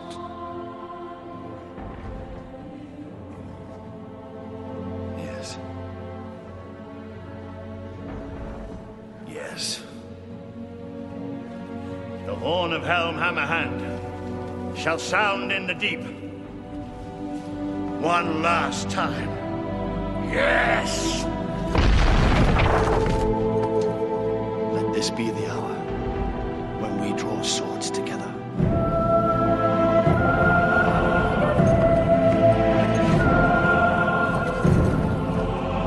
Fell deeds awake. Now for wrath, now for ruin, and the red dawn. Want dit is mijn favoriete moment van, nou, misschien wel van deze film. En, eh, en vooral dat, eh, we hebben, ik heb het vorige week al gehad over Aragorn en zijn, dat hij zijn destiny moet achterhalen. En dit is weer zo'n zo'n sleutelmoment dat dat en gebeurt, maar dat ook andere mensen denken, ja, het is zo. En we gaan hem volgen. Je ziet het bij Theoden gebeuren. En eh, daarom vind ik deze scène zo vet. Eh, ook omdat die hoorn super vet is. Nou goed, ik vind dat er zitten heel veel gave dingen aan in de verhaallijn. En eh, wat ik ook wel leuk vond, is dat Arco en ik zijn eigenlijk de Theoden en de Argon van deze show. Want ook bij van, van deze aflevering, want ook bij deze scène re- trekken wij weer samen te strijden. Want jij vond deze ook heel vet. Ja, dat, het, het, heeft, het heeft iets heel Shakespeareaans in die teksten. Van, van hoe die, hoe die zijn lines delivert. Uh, maar ik zat echt in die bioscoop staan ook. Ik had echt zin om een zwaard uit de schede zo. ik zat echt. Het was donker gelukkig, hè, dus niemand ziet dat. Maar ik, ik was er helemaal. verkleed jij? Nou, eigenlijk, ik was er helemaal in. Weet je, het was echt mijn interne LARP-moment. Uh, en het mooie is. Sorry, ik ga nog één keer op de. Nog twee keer, maar de ene laatste keer dat ik het op de oorlog betrek. Uh, het Britse professionele leger, wat in de Eerste Wereldoorlog volledig is uitgemoord. Daarna kwam er dienstplicht en moesten gewoon alle burgers moesten. Ja, alle mensen van Downton Abbey moesten naar het. Ja, precies.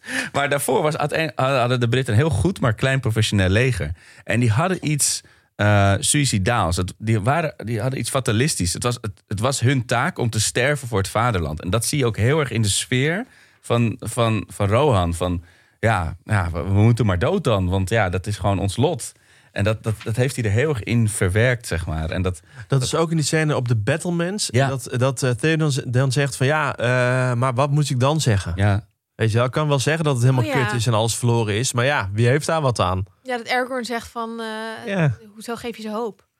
En dat ze vervolgens aan Legolas en Aragorn in het Elfs verder gaan. Ja. Ja, Oh ja. ja, slim. Die as worden hem ook. Hallo, hallo. Dat vind ik ook zo eh, dat, die elfen zaten dus niet in het boek, die nog even opkomen dagen. Die, die even worden gewasted. Wel een Eh, fucking vette scène hoe ze aankomen trouwens. ja. Hoor. En dat Haldir je dood gaat. dat is nog een orkhoorn. Nee. En, eh, Hoe maar, hoor je dat? maar in het boek eh, zit, zegt Legolas op dat moment eh, van... Oh, het was wel leuk geweest als we 100 eh Leuk. elfen boogschutters hadden gehad. En die- gezellig. En toen heeft dacht Peter Peter Jackson, Jackson. gedacht van... Oh, leuk. Dat is een goed idee. Ja. En het is ook een trade-off geweest, omdat er later in het boek natuurlijk wel eh, deels ook met elfen wordt Oh, gewerkt. ja, ja. En hebben ze hier een soort van eh, eh, een soort encore gegeven. ja. Aardig toch? Ja, maar jij vond het skateboardmoment dus wel vet? Ik Ja, ik nee, was maar kijk, weet je- Ik was er helemaal uit. Wat, nee, maar wat deze films allemaal heel leuk doen, is dat zij Legolas en Gimli vooral en ook de twee eh, B-hobbits gebruiken. Ja, toch? De bobbits. De bobbits. Dat ze die gebruiken om zeg maar, even die, die spanning eraf te halen. Weet je wel? Dat, heb je ook wel eens op een begrafenis, dat je gewoon een grapje maakt. dat, dat, dat is nodig, ja, omdat dat het anders waarom- heel zwaar wordt. Dus, eh, dus dit- het feit dat Gimli en Legolas samen aan het tellen zijn. Ja. En dat Ja. er dus rare dingen 41. zitten. Shall I find Ja. you a box? Weet Ja. je, dat, die dingen hebben een functie. Toss me, die hebben een functie om het anders. Het moet Ja. ook een beetje wel voor small kinderen. nog-. Nee, Dat vond ik wel een beetje. nee, dat, nee, dat, nee, want dat komt hier wel dat- in een boog, zeg maar. Dus dat klopt wel. Maar dit, ik denk dat dat. Ja, ik vind dat wel leuk. En, Ja. en zeg maar. Tuurlijk, je kunt een miljoen YouTube-filmpjes kijken over wat wel en niet kan met een pijl en boog. En daar heb ik mij vanochtend ook weer schuldig aan gemaakt. Maar Ja, dus die ja, uitrekenen. het kan natuurlijk kan niet. het Het, helemaal kan niet. natuurlijk niet. En het, het, het is ook onzin. Hij is een elf, Hè? kan het. En Hawkeye kan ook vet veel. Ja, die- wat, wat Hawkeye kan. Nou, Ja. Dat net- gezegd don't get me started. Maar dit, dit heeft gewoon een hele goede functie. Dat gezegd hebben. Een Gandalf storm, storm met duizend paarden van een berg af. Waarbij ik, waarbij ik me afvraag, Anneluna, als je luistert, stuur, stuur het even in. Jij weet alles over paarden. Ja. Wat is de meest ideale helling om met paarden vanaf te denderen? Nou, Want deze, volgens mij eh, pleuren ze allemaal gewoon van die helling af. Maar goed, ik denk dat het effect hetzelfde is. Want er staat een fucking groot lever, leger, wordt bedolven onder de paarden. Hoe, hoe je het ook bent of verkeerd. En ze winnen. En dan? Ja, dan gaan we volgens mij naar scène die jij, eh, eh, Arco, weer fantastisch vindt, maar ik ook. Namelijk de, eh de bo bobbits. Op de, boom. Ik moet denken aan hello bappetjes. Goed, dat is iets anders. Ondertussen zijn, zijn eh, eh, Sam, of eh, nee, eh, sorry, Mary en Pippin met een best wel ehm, toch ook fundamenteel onderdeel eh, bezig van deze strijd. Namelijk de, de bomen een beetje aan het opjagen, op, opschudden tegen Saruman. Ja, Tolkien had natuurlijk heel erg een, een, een environmental eh, kant aan zijn verhaal.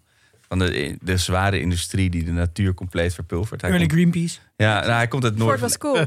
noorden van Engeland. eh, Dat, daar, de zware industrie. Hij komt uit Birmingham ook. Dat, is, dat was de, verschrikkelijk wat daar eh, met, met het land is gebeurd. Eh, dat zit natuurlijk nu allemaal erin met de. Eh, en dat is wel een discussiemoment, want de, eh, in principe voegt de film hier alleen maar minuten aan toe. Dat, dat Mary en Pippin eh, met een trucje zorgen dat hij ziet wat Isengard met, met de natuur doet. Ja. Dat hadden ze ook prima zelf kunnen ontdekken. Maar dat is puur zodat Mary en Pippin nog enig nut hebben in de hele fellowship. Dat, ze- dat ze iets ver- veroorzaken wat weer een kettingreactie veroorzaakt om, om het plot verder te helpen. Dat zit ook in de extended version. Dan zegt Gandalf dat tegen eh, Aragorn, geloof ik. van- Die vraagt dan van, ja, wat zijn Merry en Pippin nu aan het doen? Ze, ja, die zijn een, eh, een soort kettingreactie aan het veroorzaken. Die zijn Ja. een klein kiezeltje aan het rollen aan het brengen wat, wat een lawine gaat veroorzaken. Oh. Dus dat is nog een soort van even benadrukken dat dit best wel fundamenteel is. steen Eigen- verlegd op een rivier op aarde. Precies, Herakleitos. Hoppa. Maar het is, ja, het, het is natuurlijk. Je had het net over, over de grappen die gemaakt worden. En het is natuurlijk zo knap dat Peter Jackson en actie. en eh, je in die fantasiewereld trekt. wat al heel snel een soort. anders een soort kitsch-laaf in de Efteling wordt. Ja, als het niet ja. goed doet. En humor en actie. En dan dat hele. Ants en Treebeard verhaal is zo'n gok. Want als je dat verkeerd doet, dan, dan krijg je de slappe lach. Of je, je neemt die hele film Ja. niet meer serieus. En hoe hij wordt gemaakt, niet alleen de CGI, maar ook de teksten die hij krijgt. En zeker dat hij dan een beetje zo die half stoned eh, of een soort bureaucratische slome boom is. En dan Oh, wizard should know better. Dat hij dan echt 180 graden draait naar woedende, woedende natuurkracht. Is echt prachtig. Ik kwam er dus pas eergisteren achter dat dit ingesproken is door de acteur die ook Gimli speelt. Ja, echt cool. En hij doet het door het Ja, door een, door een houten, houten megafoon. Ja. Hoe cool is Dus dat? ze hebben niks. Dat is ook weer typisch voor. We hebben het vorige keer over gehad. Hè, dat er ook, als die nodig is, dan gaan we geen CGI gebruiken. En als het niet nodig is, gaan we niet een stemvervormer eroverheen gooien. Dan doen we het gewoon allemaal lekker eh, op een natuurlijke manier. Hoe heet die Room, nou? Hij is ook geweldig. John. Ja, Rhys Davies. Geweldig in Indiana Jones. Eh, Wat, wat, wat hier ook wel in, in dit hele verhaal met die enten, hè, dus dat is lichtelijk anders ten opzichte van het boek. En dat, dat heeft mij altijd wel ge- gestoord. Eh, die enten lopen niet zo snel. Nee. Is die opgevallen? Dus dat hij, dat hij op een gegeven moment dan Isengard Maar als ziet je en een dan heel zegt, eind moet, is het ook, moet je rustig aan doen. oh. En dan zegt hij, dan, dan, dan doet Treebeard zo'n...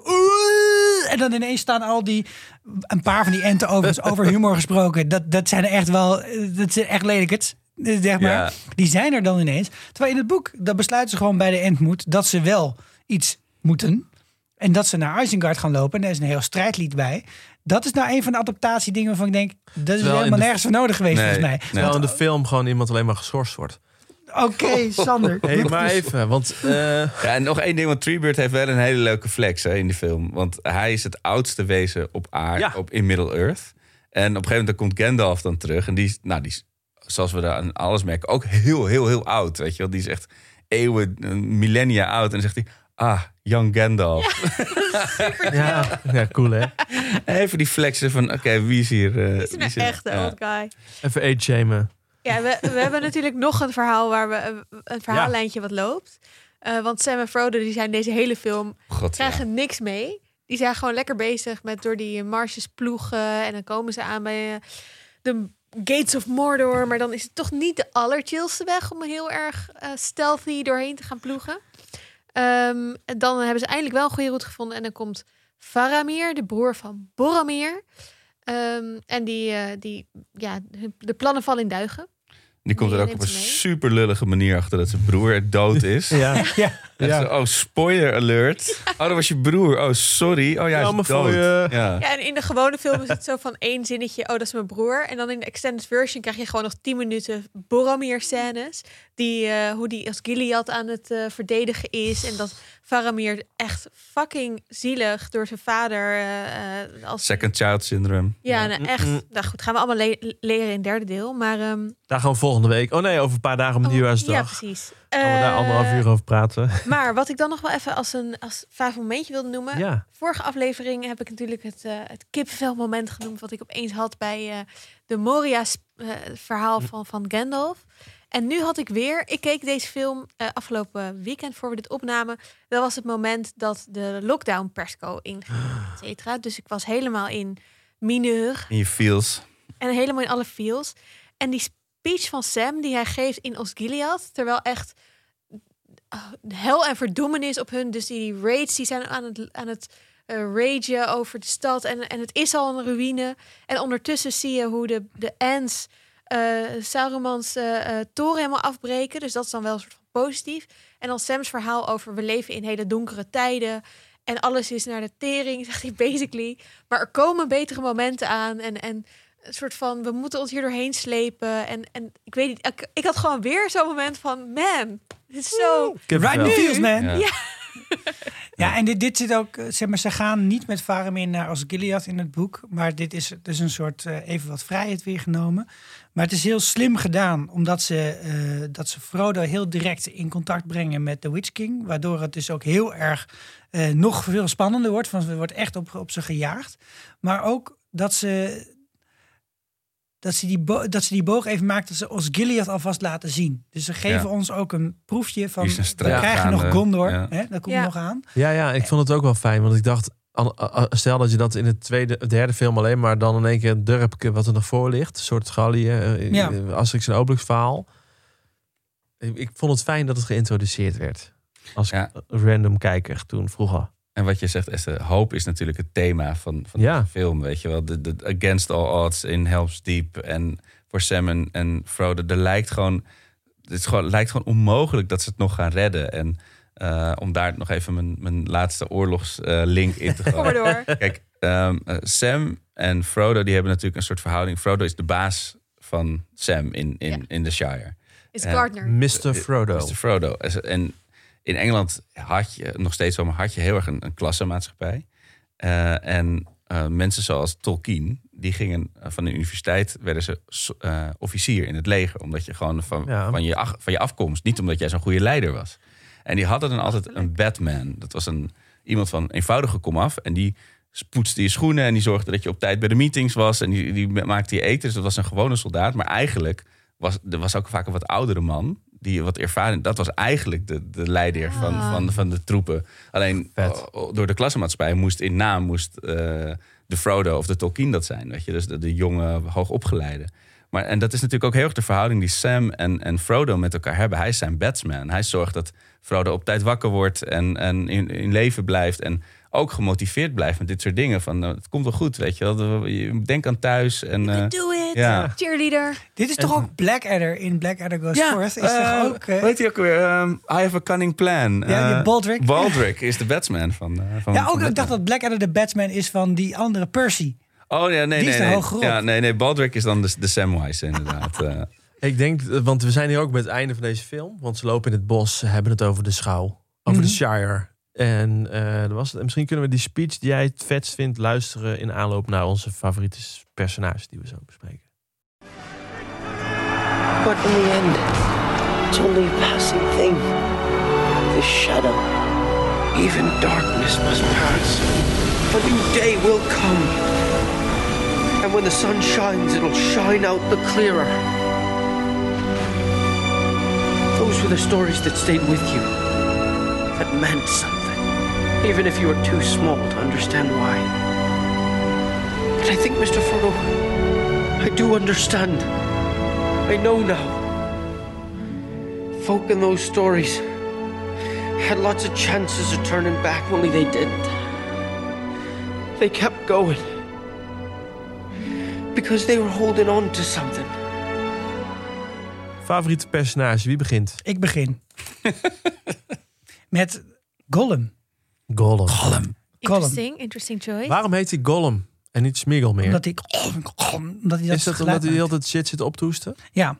En zo is Andy Serkis ook aan dat, eh, aan dat accent gekomen. Hè? Hij, zat, hij zat te zoeken naar wat wordt nou zijn stem en zijn ding. En toen moest een kat moest een haarbal ophoesten. Toen heeft hij dat gebruikt. Dat is hem. waar? Ja. Nee, Gollum is... eh, veel mensen denken dat The Lord of the Rings een verhaal is over goed tegen kwaad. En volgens mij bewijst Gollum dat het niet zo is. Want Gollum is niet partij kwaad. Hij is gewoon zichzelf. is Een, Hij is een wandelend grijs gebied is hij. En, eh, en, en, en, een, en een grijze vorm. En eh Circus heeft volgens mij zelf ook wel eens gezegd van... eigenlijk speel ik een verslaafde. En hij speelt een verslaafde zo. hobbit... die ooit een ring heeft gevonden... en daardoor is betoverd geraakt. En eh, het grappige is ook dat Gollum wil die ring... maar niet om er iets mee te doen, hè. Misschien om, zeg maar, ongezien vis te kunnen vangen of zo. Maar hij wil niet een eigen voor of in die richting hebben. Dat, dat wil hij niet. Hij is een heel bijzonder vreemd eh, personage.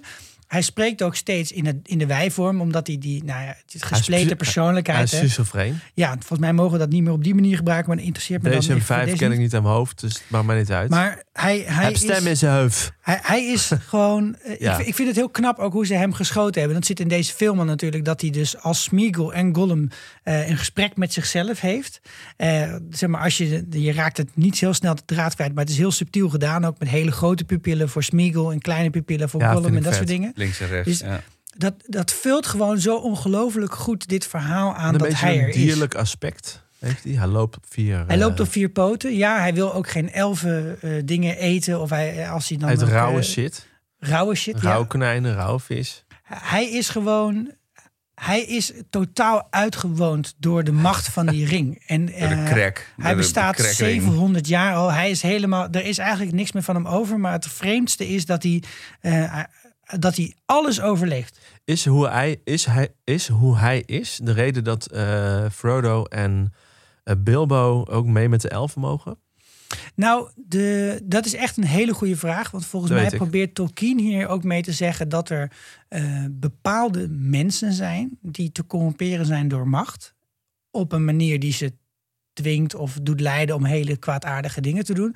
Maar dat dus de hobbits zijn een voorbeeld van eigenlijk niet te corrumperen volk. Zij- Hmm. Want zij willen niks met die macht. Ze willen gewoon die, die, die, op zijn hoogst de thrill hebben van het feit dat ze die ring Ja. hebben. In het begin van, van het leven van Gollum of Smeagol eigenlijk gebruikt hij maar alleen maar om kattenkwaad uit te halen, om zijn familie te pesten. Bilbo heeft het eigenlijk ook altijd alleen maar een beetje voor leuke grapjes en trucjes gebruikt. Maar zij zijn het on, niet te corrumperen volk. Ook hetgene wat, wat, wat eh, Sauron altijd verkeerd heeft ingeschat. Dus hij laat op een gegeven moment ook Gollum weer vrij, Sauron. Hè? Omdat hij dan denkt, nou dan is er in ieder geval iets of iemand op zoek naar die ring die er niks kwaads mee kan doen.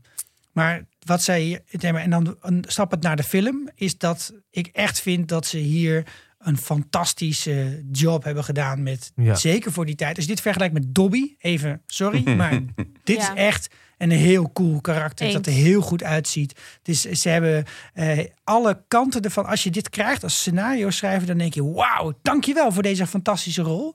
Maar je moet het wel waarmaken. En ze maken het heel erg waar. Want waar in de eerste film je nog een paar keer een shot van hem zag in de verte of zo, dat je dacht: oké, hij is gewoon eh, evil of zoiets. Is het hier een heel.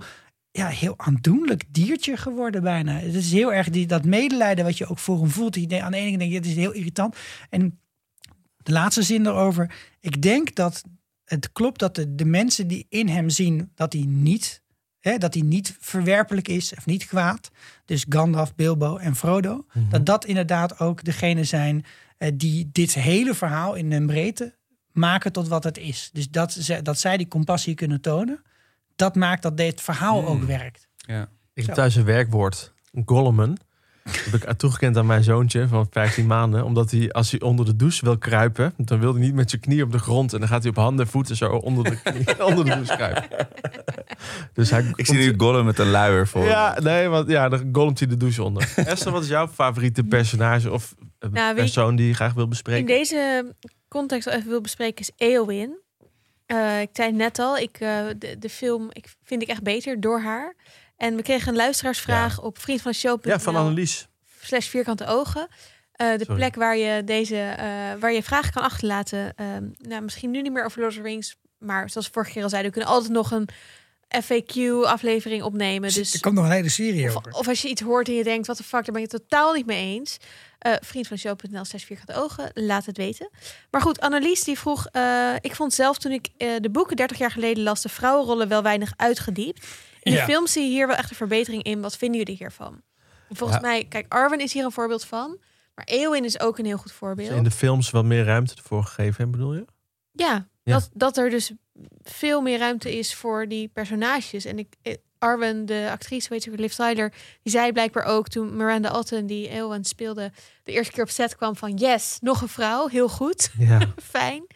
Eh, ze is wel een beetje snapt door de, eh, door de final cut, want ze zit heel veel in de extended scenes. Ook veel meer die relatie met Aragorn of soort van haar het is veel logischer als je Ja. in extended scenes ziet dat zij toch wel heel erg hoopt op een verbinding met Aragorn, omdat ze veel meer momentjes delen waarin ze ook Over de leeftijd van Aragorn. Ja, daar komen we er ook achter dat eh, Aragorn al in de tachtig is. Wat? 80 plus. Ja, dat hij, heeft zijn booster al gehad. dan zie je ook wel dat zij zich realiseert: oké, misschien is het toch een iets andere game eh, dan, dan, dan ik in zit. Ehm, en ik vond haar vroeger best wel irritant in de Oh ja. films. Een beetje zo, eh, misschien omdat het de tempo er een Beetje een groupie. haar. Ja, zoiets. Eh, maar ik ben echt later, en misschien gewoon omdat ik zelf wat ouder ben, I don't know, eh, meer gaan waarderen. Om, omdat ze gewoon wel echt een arc meemaakt. Ja. En dat ze de Witch King uiteindelijk Plus, pot maakt. inderdaad. Hallo, spoilers. echt I am no man. Eh, sorry. Awesome. Ik ben het echt Ja. in, Zo super, in super grote lijnen met je eens. En er is denk ik Maar- één ding wat een maar is. En dat is niet per se ten, ten, ten nadele van deze inschatting. Maar ik vind het wel jammer. En dat is ook wel heel erg early 2000 denk ik. Dat, dat, ze, dat ze als ze vrouwen een grotere rol geven in deze film. Dat het dan alleen maar over liefde gaat. In relatie tot een man. Ja, dat Ja, is ook Want, want, en, en dat is ook vooral omdat het Arwen gedeelte, dat Ja. haalt echt zo ongelooflijk de spanning van de boog. Maar ik, ben, het- ik vind dat ook, en dat is vervelend. En dat is ook wat met Arwen natuurlijk gebeurt. Het gaat ook allemaal om Aragorn. Maar het gaat ook over bij Eowyn over dat zij als vrouw net zo'n strijder wil zijn Ja. als de rest. Ja. Maar dat vind ik cool. Ja. Alleen het gedeelte dat zij dan in een soort geforceerde driehoeksrelatie wordt geplaatst. Want in het boek vindt ze hem wel, ze vindt hem wel lekker, hè? Dat is, dat, dat is toch geen twijfel Wie over niet? Ze had ook een poster boven de bed. Precies. Nou, die actrice zei toen ze op de set kwam en ze voor het eerst geïntroduceerd werd met aan Viggo Mortensen, zei ze: Oh, it's going to be so easy to fall in love with this man. I get you. ja, En- you get her, hè? En Tolkien was ook wel heel erg bekend als heel ongemakkelijk met vrouwen. Heel awkward met vrouwen. Hij snapte ze niet. Hij wist niet hoe ze werkte. Hij kon ze dus ook niet schrijven. Hij was ook vergeten om dwergenvrouwen Maar te het is ook voor oorlog zijn mensen. Ik bedoel, dit is de Ja, tijd dat mensen tijd, die absoluut. eh, als vrouw een kind baarden ze niet meer mochten werken. Even ter referentie. En in de oorlog is het 50% even aan de van kant van gezet. de omdat maatschappij het- deed voor spek en bonen mee. Ja. Eh, Ik bedoel, in de oorlog is het even aan de kant gezet, want dan mochten ze wel dingen, mochten de vrouwen wel wat doen, omdat er gewoon heel veel mannen naar het front gezonden werden. Maar ja, daar was hij dus niet bij. Ik bedoel, ik, ik, eh, de oma van mijn vrouw die heeft de pastoor thuis een bezoek gehad, omdat, eh, omdat ze nog niet zwanger was, bijvoorbeeld. Ja, precies. En die moest daarna, mocht ze niet Ja. meer werken toen ze zwanger was. Dat, dat, bedoel, ik ben er niet blij mee, maar het is ook wel de tijdsgeest. Over dwergen gesproken, Sander. Over dwergen, ja, over small, heet het small shaming eigenlijk? Ik weet niet hoe het heet, maar ik vind het... Geen eh, idee. Ik vind het, ik vind het storing, storing, storend dat ze heel de tijd Gimli belachelijk zitten te maken over zijn lengte. Want Gimli is een van mijn favoriete personages in deze film. Eh, misschien wel in de, de laatste film misschien ook wel. En dat is omdat, wat Sikko er net al zei, wat, wat we eigenlijk met elkaar al bespraken, de comic relief zit er wel een beetje in bij hem. Dus het maakt het ook grappig om naar te kijken. Maar tegelijkertijd, als je kijkt naar hoe dwergen in de fantasy eh, slash geschiedenis geschreven zijn, zijn het ook mensen die zes dagen lang achtereenvolgens kunnen rennen. En ook best wel snel zijn. Dus niet alleen maar sprint, natural sprinters zijn. Wat ik overigens best wel een grappige scène vind. Ik dus ook. daarom ben ik, eh, eh, is het een beetje in balans bij mij. Dus ik vind Gimli heel leuk. En die, eh, dat, met dat tellen van, die, eh, eh, van hoeveel ze kapot maken. Weet je wel, dat vind ik gewoon heel grappig. Final count 42. 42? Oh, that's not bad for a pointy-eared elvish princeling. I myself am sitting pretty on 43. 43. He was already dead. He was twitching. He was twitching because he's got my axe embedded in his nervous system. Nou, bijna naamgenoot van Gimli. Is Grim- Grima, Arco. Ja, we zitten wel eh, lekker op de geest eh, Hoppa. Ja. vandaag. Hè? Ja, het voor mij... ehm, De sneep Zeker. van het verhaal. Ja, nou, zeker in dit, in, dit boek, of in dit boek is hij dus. Is Grima Wormtongue is helemaal niet zo'n markant personage. Het is, keken jullie vroeger de Fabeltjeskrant? Had je Zeker. Woefdram. Dat was een beetje, weet je, het, het slijmerige, kruiperige hulpje van eh, juffrouw Ooievaar, mevrouw Ooievaar. En dat, dat is, in het boek komt hij niet echt tot zijn recht. Maar in de film, en dat is een, ik denk dat alles komt omdat ze zijn eh, wenkbrauwen hebben Wie weggeschoren. is hij? Die acteur. Nee, eh, nou daar ben ik ook wel benieuwd Oh. naar. Maar wie, wie is Grima Wormtongue? Hij is de, de adviseur, de consigliere, de, of de PA eigenlijk van Tyrion King. ja, maar is dat, hij hij is, is, eh, familie, toch? Dat bedoel ik eigenlijk. Wie, wie, is het gewoon een random iemand die zich omhoog gewerkt heeft? Oh, dat weet ik Eh, had hij een goede cv en is hij daarom aangenomen? Dus hij mocht naar zijn stage blijven. Ja, hij mocht naar zijn stage blijven plakken. Ik dacht dat hij niet familie was. Ik dacht Ja, dat, dat hij gewoon eh, eigenlijk gewoon dat... een intrigant was. Ik heb het geïnterpreteerd als Saruman heeft Theoden be- betoverd. En die heeft gewoon een Handler. puppet. Ja, Ja. heeft hij daar neergezet. En Ja, daarom heeft, heeft Gimli, oh, ho, ho, Grima mag gekregen. Niet omdat hij iets bijzonders... Ja, Ja, nee, Grima was al gewoon de. eh, dat zegt hij op een gegeven moment van You were not always evil. Want Grima Oh, ja. was al de adviseur. Hij was al de, altijd al de Jafar. Wel, Hij was niet per se een slechte Jafar. Ja, Jafar, geweldig. Ja, maar dat is En- inderdaad hoe macht corrumpeert. Ja. En, en dat, dat hele overliggende thema. Hoe zij allebei natuurlijk helemaal bezoedeld zijn door Sarumans invloed. En Arco, kies jij Grima omdat wij de alle drie de andere coolste mensen al gekozen hadden? Nee, nee, nee. dit- had ik onafhankelijk van jullie. Ja, nee, af- ik ben even benieuwd waarom. Nou, omdat het voor mij, wat ik zeg, hij- de film doet hem tot zijn recht komen. In, in- specifiek ook deze film. Eh, hij is voor mij echt de ster daarin. En ik vind het altijd heel fijn als, ik, als iemand me echt iets laat voelen in de bioscoop. Weet je, ik wilde hem echt wat Ja, aandoen. En op een gegeven moment, maken. als, als Tyrion hem ook uit het kasteel trapt, de trappen af, was ik ook helemaal, helemaal agressief. Ik zei, maak hem af, weet je wel. Eh, Ja. Stoot dat zwaard door zijn lendenen. Maar dat, dat doet hij dan niet. En dan was ik ook echt boos dat hij hem laat ontsnappen. Dit gaat, dit gaat je Dit kosten. gaat je kosten, jongen. Ja. Ja. je ring gezien, vriend. Ja, ja, ja. Nou, en, en in deze, hier hebben ze goed de artistieke vrijheid genomen om Ja. Grima Wormtongue deze rol te geven. En je haat hem en je vindt het ook echt, dit, dit, dit, dit voel je echt. Maar hier vind ik dus bijvoorbeeld waar de Hobbit-films echt Hmm. de mist in zijn gegaan. Want dan hebben ze een soort van slecht gebrande DVD-kopie van hem gemaakt. Ja. Ja. Alfred Lickspittle heet hij daar of zo. En die, heeft, die, die, die is ook, ook een soort van comic relief. Hij is ook een halve Baldric. Ja. En, en dat, dat was zo'n mis, echt zo'n misser. Maar Ja. hier, de- hier zie je dat het is ook het is eh, logischer of zoiets. Dat, dat Sauruman een soort lange arm van Sauruman heeft. Ja. En dat, komt dat komt supergoed tot zijn recht in deze film. Oké, voor we verder gaan wil ik Simon en Madelon heel graag bedanken. Want dat zijn de twee nieuwe donateurs die ze, eh, via vriendvandeshow.nl slash vierkante ogen aan ons gedoneerd hebben. En eh, dat is niet alleen voor donaties trouwens ook leuk, maar het is ook leuk om naartoe te gaan als je allerlei dingen over ons wil weten. Over, over de, opna de aflevering die we al eens een keer hebben opgenomen. En trouwens, weet je wat ik heel leuk vond aan de Two Towers? Dat, daar zat ik over na te denken. Daar, daar zat ik, had ik, heb ik opgezocht, moet ik eerlijk zeggen. Die orks, daar wordt gesuggereerd dat ze zwart bloed hebben. Ja, En eh, de filmmakers vonden het vet dat dat ook in hun mond te zien was. Dus al die Oh. mensen die ork speelden, die hebben een soort drop mondwater moeten gebruiken gedurende alle opnames, zodat ook de binnenkant van hun mond zwart was. Is dit jouw bruggetje naar het moment dat we over fun facts gaan Ja, fun fact. Esther. Eh, ja, fun fact. Ehm, nou, ik had op de Slack van eh mijn Nerds om tafel ook nog even gevraagd naar tips en dat soort dingen. Eh, en daar kreeg ik een hele leuke tip van ehm, LS. En die zei dat we allemaal het TikTok-account donmarshall72 moeten gaan volgen. What? TikTok. ja, TikTok. Cool. En, en daar heb ik dus even gekeken. En dat is een dude die allemaal fun facts in TikTok-filmpjes zet. En het is echt heel grappig en leuk. Specifiek over Lord of the Rings? Of? Specifiek over Lord of the Rings. Oh, wow. ja, ja, over Lord of the Rings. Oh. Ehm, dus als je TikTok hebt en je vindt het leuk om Lord of the Rings content te volgen. Het is nu geen fun fact van mij, maar ik vond het wel even een leuke tip. Maar zet het wel in de show notes. Ik zet het even in de show notes.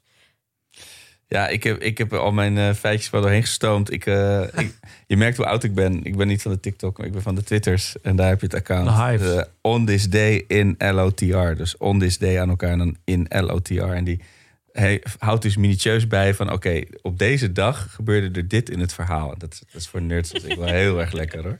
Dat lijkt me chill, dat ga ik sowieso volgen.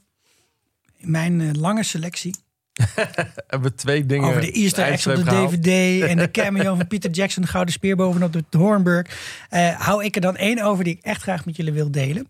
En dat is de etymologie van het woord mood. Jullie Mm. kennen misschien dat Joey daar eens over begint dat iets een mood point is. A, Ja, dus- cause, a cause opinion. Je bedoelt Joey uit Friends? Joey uit Friends, ja, niet Joey uit eh, de, de, de, de twaalf eh, dwergen. En niet En- moed als het op socials wordt gebruikt als, met een D, maar met een T. ja. Met een Ja. T, de moed. En moed is een oud Germaans woord Ja. voor hè, converseren. Of dus een ontmoeting, Ah. een meeting. Daar komt het woord endmeet, Mm. endmoet natuurlijk ook vandaan. En wat ik erg grappig vond om te ontdekken... is dat er een eh, woord is voor een soort anglo-saxisch parlement... waarin mensen van gedachten wisselen. En dat heet een witte nagemoten. En als je een beetje doordenkt aan onze specials van vorig jaar, dan ken je dit woord ook, maar dan in een andere vorm waarin wij niet wisten hoe het uitgesproken moest worden, namelijk de Wisdom Gamut.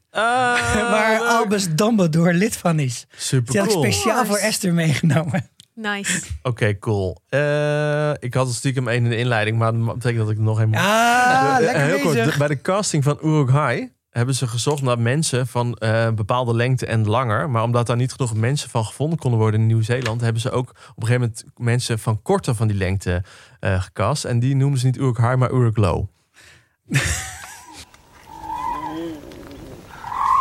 What we need's a few good taters. What's taters, Brussels? What's taters, huh? Potatoes. Boil them, mash them, stick them in a stew. Lovely big golden chips with a nice piece of fried fish. Even you couldn't say no to that. Oh, yes, we could.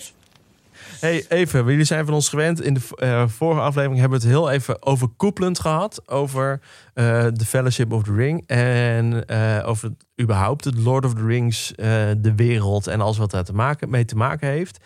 En vandaag willen we dat in ieder geval doen door eens even te kijken naar de muziek die gebruikt is. Ik bedoel, ik vind persoonlijk heel veel muziek heel vet in deze film. De soundtracks op Spotify van, eh, van de Lord of the Rings films zijn episch. En eh, wat wil jij, eh, wie wil daar iets over kwijt? Ik weet dat sommige mensen aan tafel daar heel veel over kwijt willen. Omdat ik, omdat ik deze muziek destijds ook echt gespeeld heb op de piano en ook eh, eh, meerdere ervaringen Op de Hardanger, of hoe heet dat ding? Ja, ik heb, ik heb er een paar meegenomen. Zeg maar, wat, wat maakt een film zodat hij de tand destijds doorstaat? Dat is dat je dus hele iconische dingen merkt in zo'n film. En dat er kan beeld zijn, maar dat kan dus ook heel goed muziek zijn. En ehm, ze zijn hier van het principe uitgegaan van het leidmotief. Dus bepaalde volkeren, bepaalde mensen, bepaalde objecten hebben hun eigen muziek. Hè? Dat is ook heel bekend uit Wagner's trilogie over de Ring des Nibelungen. De Ring, hè, wat hier Hey. flink op What? gebaseerd is natuurlijk. Hè. En ehm, laten we anders eerst eens even luisteren naar een leidmotief van een volk. En dat wel het volk van Rohan.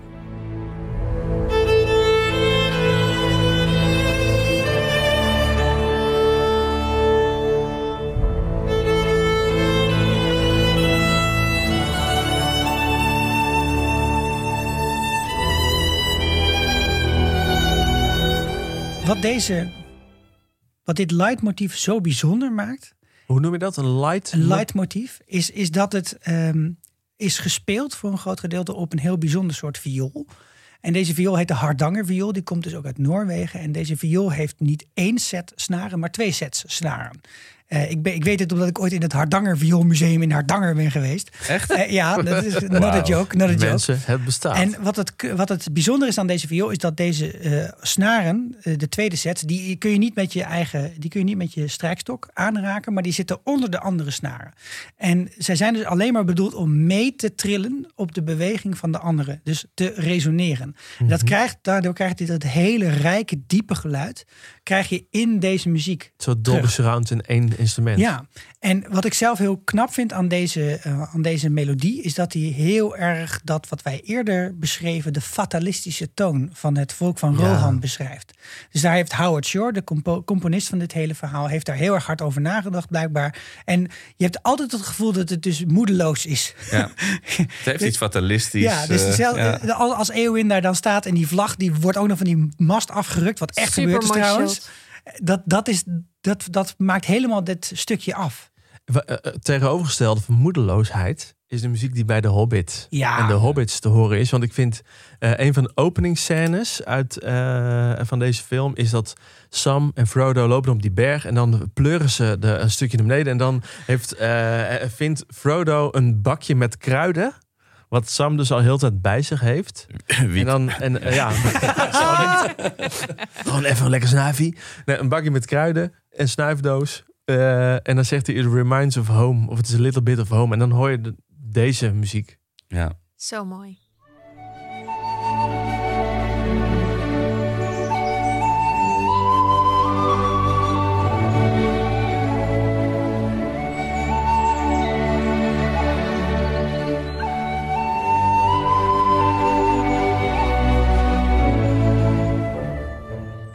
Ja, en Dan tenslotte nog De Ring. Die heeft zelf ook een motief. En daar begint de hele trilogie mee. Dat klinkt namelijk zo.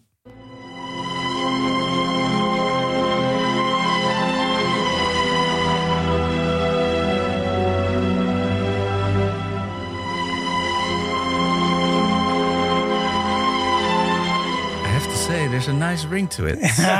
Ah, going there. Heel goed. Wat, wat ik heel bijzonder vind aan dit muziekje, wat dus echt heel vaak terugkomt, maar heel subtiel, is dat dit heeft ook een verleidelijke toon. Het heeft een verleidelijk verloop. Je, je hebt zin om naar voorover te buigen. Om het even wat harder te zetten. Ja, toch? Dat, dat heeft het heel erg knap Ja. gedaan. En als je op die manier. van Hamelen, zeg maar. Ja. Ik, ik nodig jullie dan ook uit om bij de volgende film dit even in je achterhoofd mee te nemen. Bijvoorbeeld op de Battle of the Pelennor Field. Dan ga je merken dat deze dingen dus voordat de gemoedstoestand waarin je verkeert heel erg werken. En dat het de, de, de, hoe ze dingen hebben versneden hierin ongelooflijk knap in elkaar steekt. Dat gezegd hebbende, want dit is natuurlijk best wel een mooi einde eigenlijk van de aflevering. Maar ik begrijp het nog één, dat we nog één vraag gaan bespreken, Sikko. Nou kijk, er is dus altijd gezegd dat dit de allerbeste veldslag aller tijden is. Ja. Op film. Ja. Maar we zitten hier wel bij de Vierkante Ogen Show. En in ieder geval driekwart van deze tafel is ook oud, fris en vurig liedje. Wat? Is The Battle of the Bastards niet toch stiekem Nee. beter? Nee. Nee. Nee, het is wel geïnspireerd op. Ja. En dat zei ik in het begin al ergens van de, eh, deze films en deze boeken. Dat, toen Esther het had over eh, Harry Potter 6. Eh, er is heel veel op geïnspireerd. En ik denk ook dat als je ziet hoe die scènes met die paarden geschoten zijn. Eh, hoe ze op elkaar in lopen te rammen. Eh, Ja. ja. En eh, hoe dat vanuit allerlei points of view gemaakt is. Ik denk dat Game of Thrones daar heel veel van geleerd heeft. En de, de regisseurs van Game of Thrones daar heel veel van geleerd hebben. En daarom de vette aflevering die de Battle of the Bastards heet, hebben kunnen maken. Eens. Ja, en het is wat ik heel mooi vond. Ik dacht nog aan van, ik, ik doe het middelste deel, mocht ik met jullie bespreken. Eh Lord of the Rings heeft natuurlijk drie delen. En het is opgebouwd zoals in het leven. Weet je, je, hebt, je hebt het begin, alle wegen liggen nog open. Je gaat, je, we're going on an adventure. Eh, en het einde is heel beschouwend. Van nou, dit, dit was het dan. En je, je gaat naar En de... weer beschouwend. het beschouwend. maar niet op. Ja, extreem beschouwend. Maar dit is where you make your mark. Weet je, waar sta je voor in het leven? Hier moet je strijd leveren voor. ehm, eh, eh, tegen alles wat, wat op je pad komt. En, en, en moet Dat is een je... beetje de periode Nou. van zijn leven waar Arco Nou, in dat, daar- daar ging ik naartoe. Ik zit natuurlijk in een vrij eh, pittige midlife crisis inmiddels. Dus it hits hard. Ja, ja. staat Hij kwam hier ook binnen met een leren jas met Satudara erop. Oh, ik, zou- ik dacht dat Saruman erop stond. Ik ben, ik ben hier wel op mijn van mijn hoofd heen gekomen. Hey, eh, Arco, super bedankt dat je erbij was vandaag. Want eh, was een eer, ik vond het, wij vonden het, als ik namens ons mag spreken, Dat namens mag de, de Vierkant Ogen Show. Super vet dat jij wilde aansluiten. En vooral echt fucking veel breed, eh, eh, brede referenties in, het hele popcultuurspectrum. En ook het geschiedenisspectrum eh hebt kunnen benoemen. Als Ja. je dat nou heel cool vindt, luister naar de podcast. Alle geschiedenis ooit. Super cool. Wil je meer van ons horen, meer van ons weten? Even shout-out naar Bob van Dag en Nacht. Want die heeft een vette website gemaakt van de Vierkante Oog Show. Namelijk Esther. Dag en nacht.nl slash vierkante ogen. En daar vind je alles Playlist. wat we ooit gemaakt hebben. Ja. En dan Alle Vierkante Ogen. Show ooit. Ja, dus niet op een tijdlijn, maar gewoon lekker geclusterd. Lekker Marvel, Alles Marvel. lekker Loki. Lek- nou, dus gewoon ga er even heen en geniet. Ja, geniet vooral. En kijken En we Return of the. King voor de volgende aflevering. Ja, want over drie, vier dagen op 1 januari, dan kun je ons horen. Return of the King. Nu al zin in. Tot dan.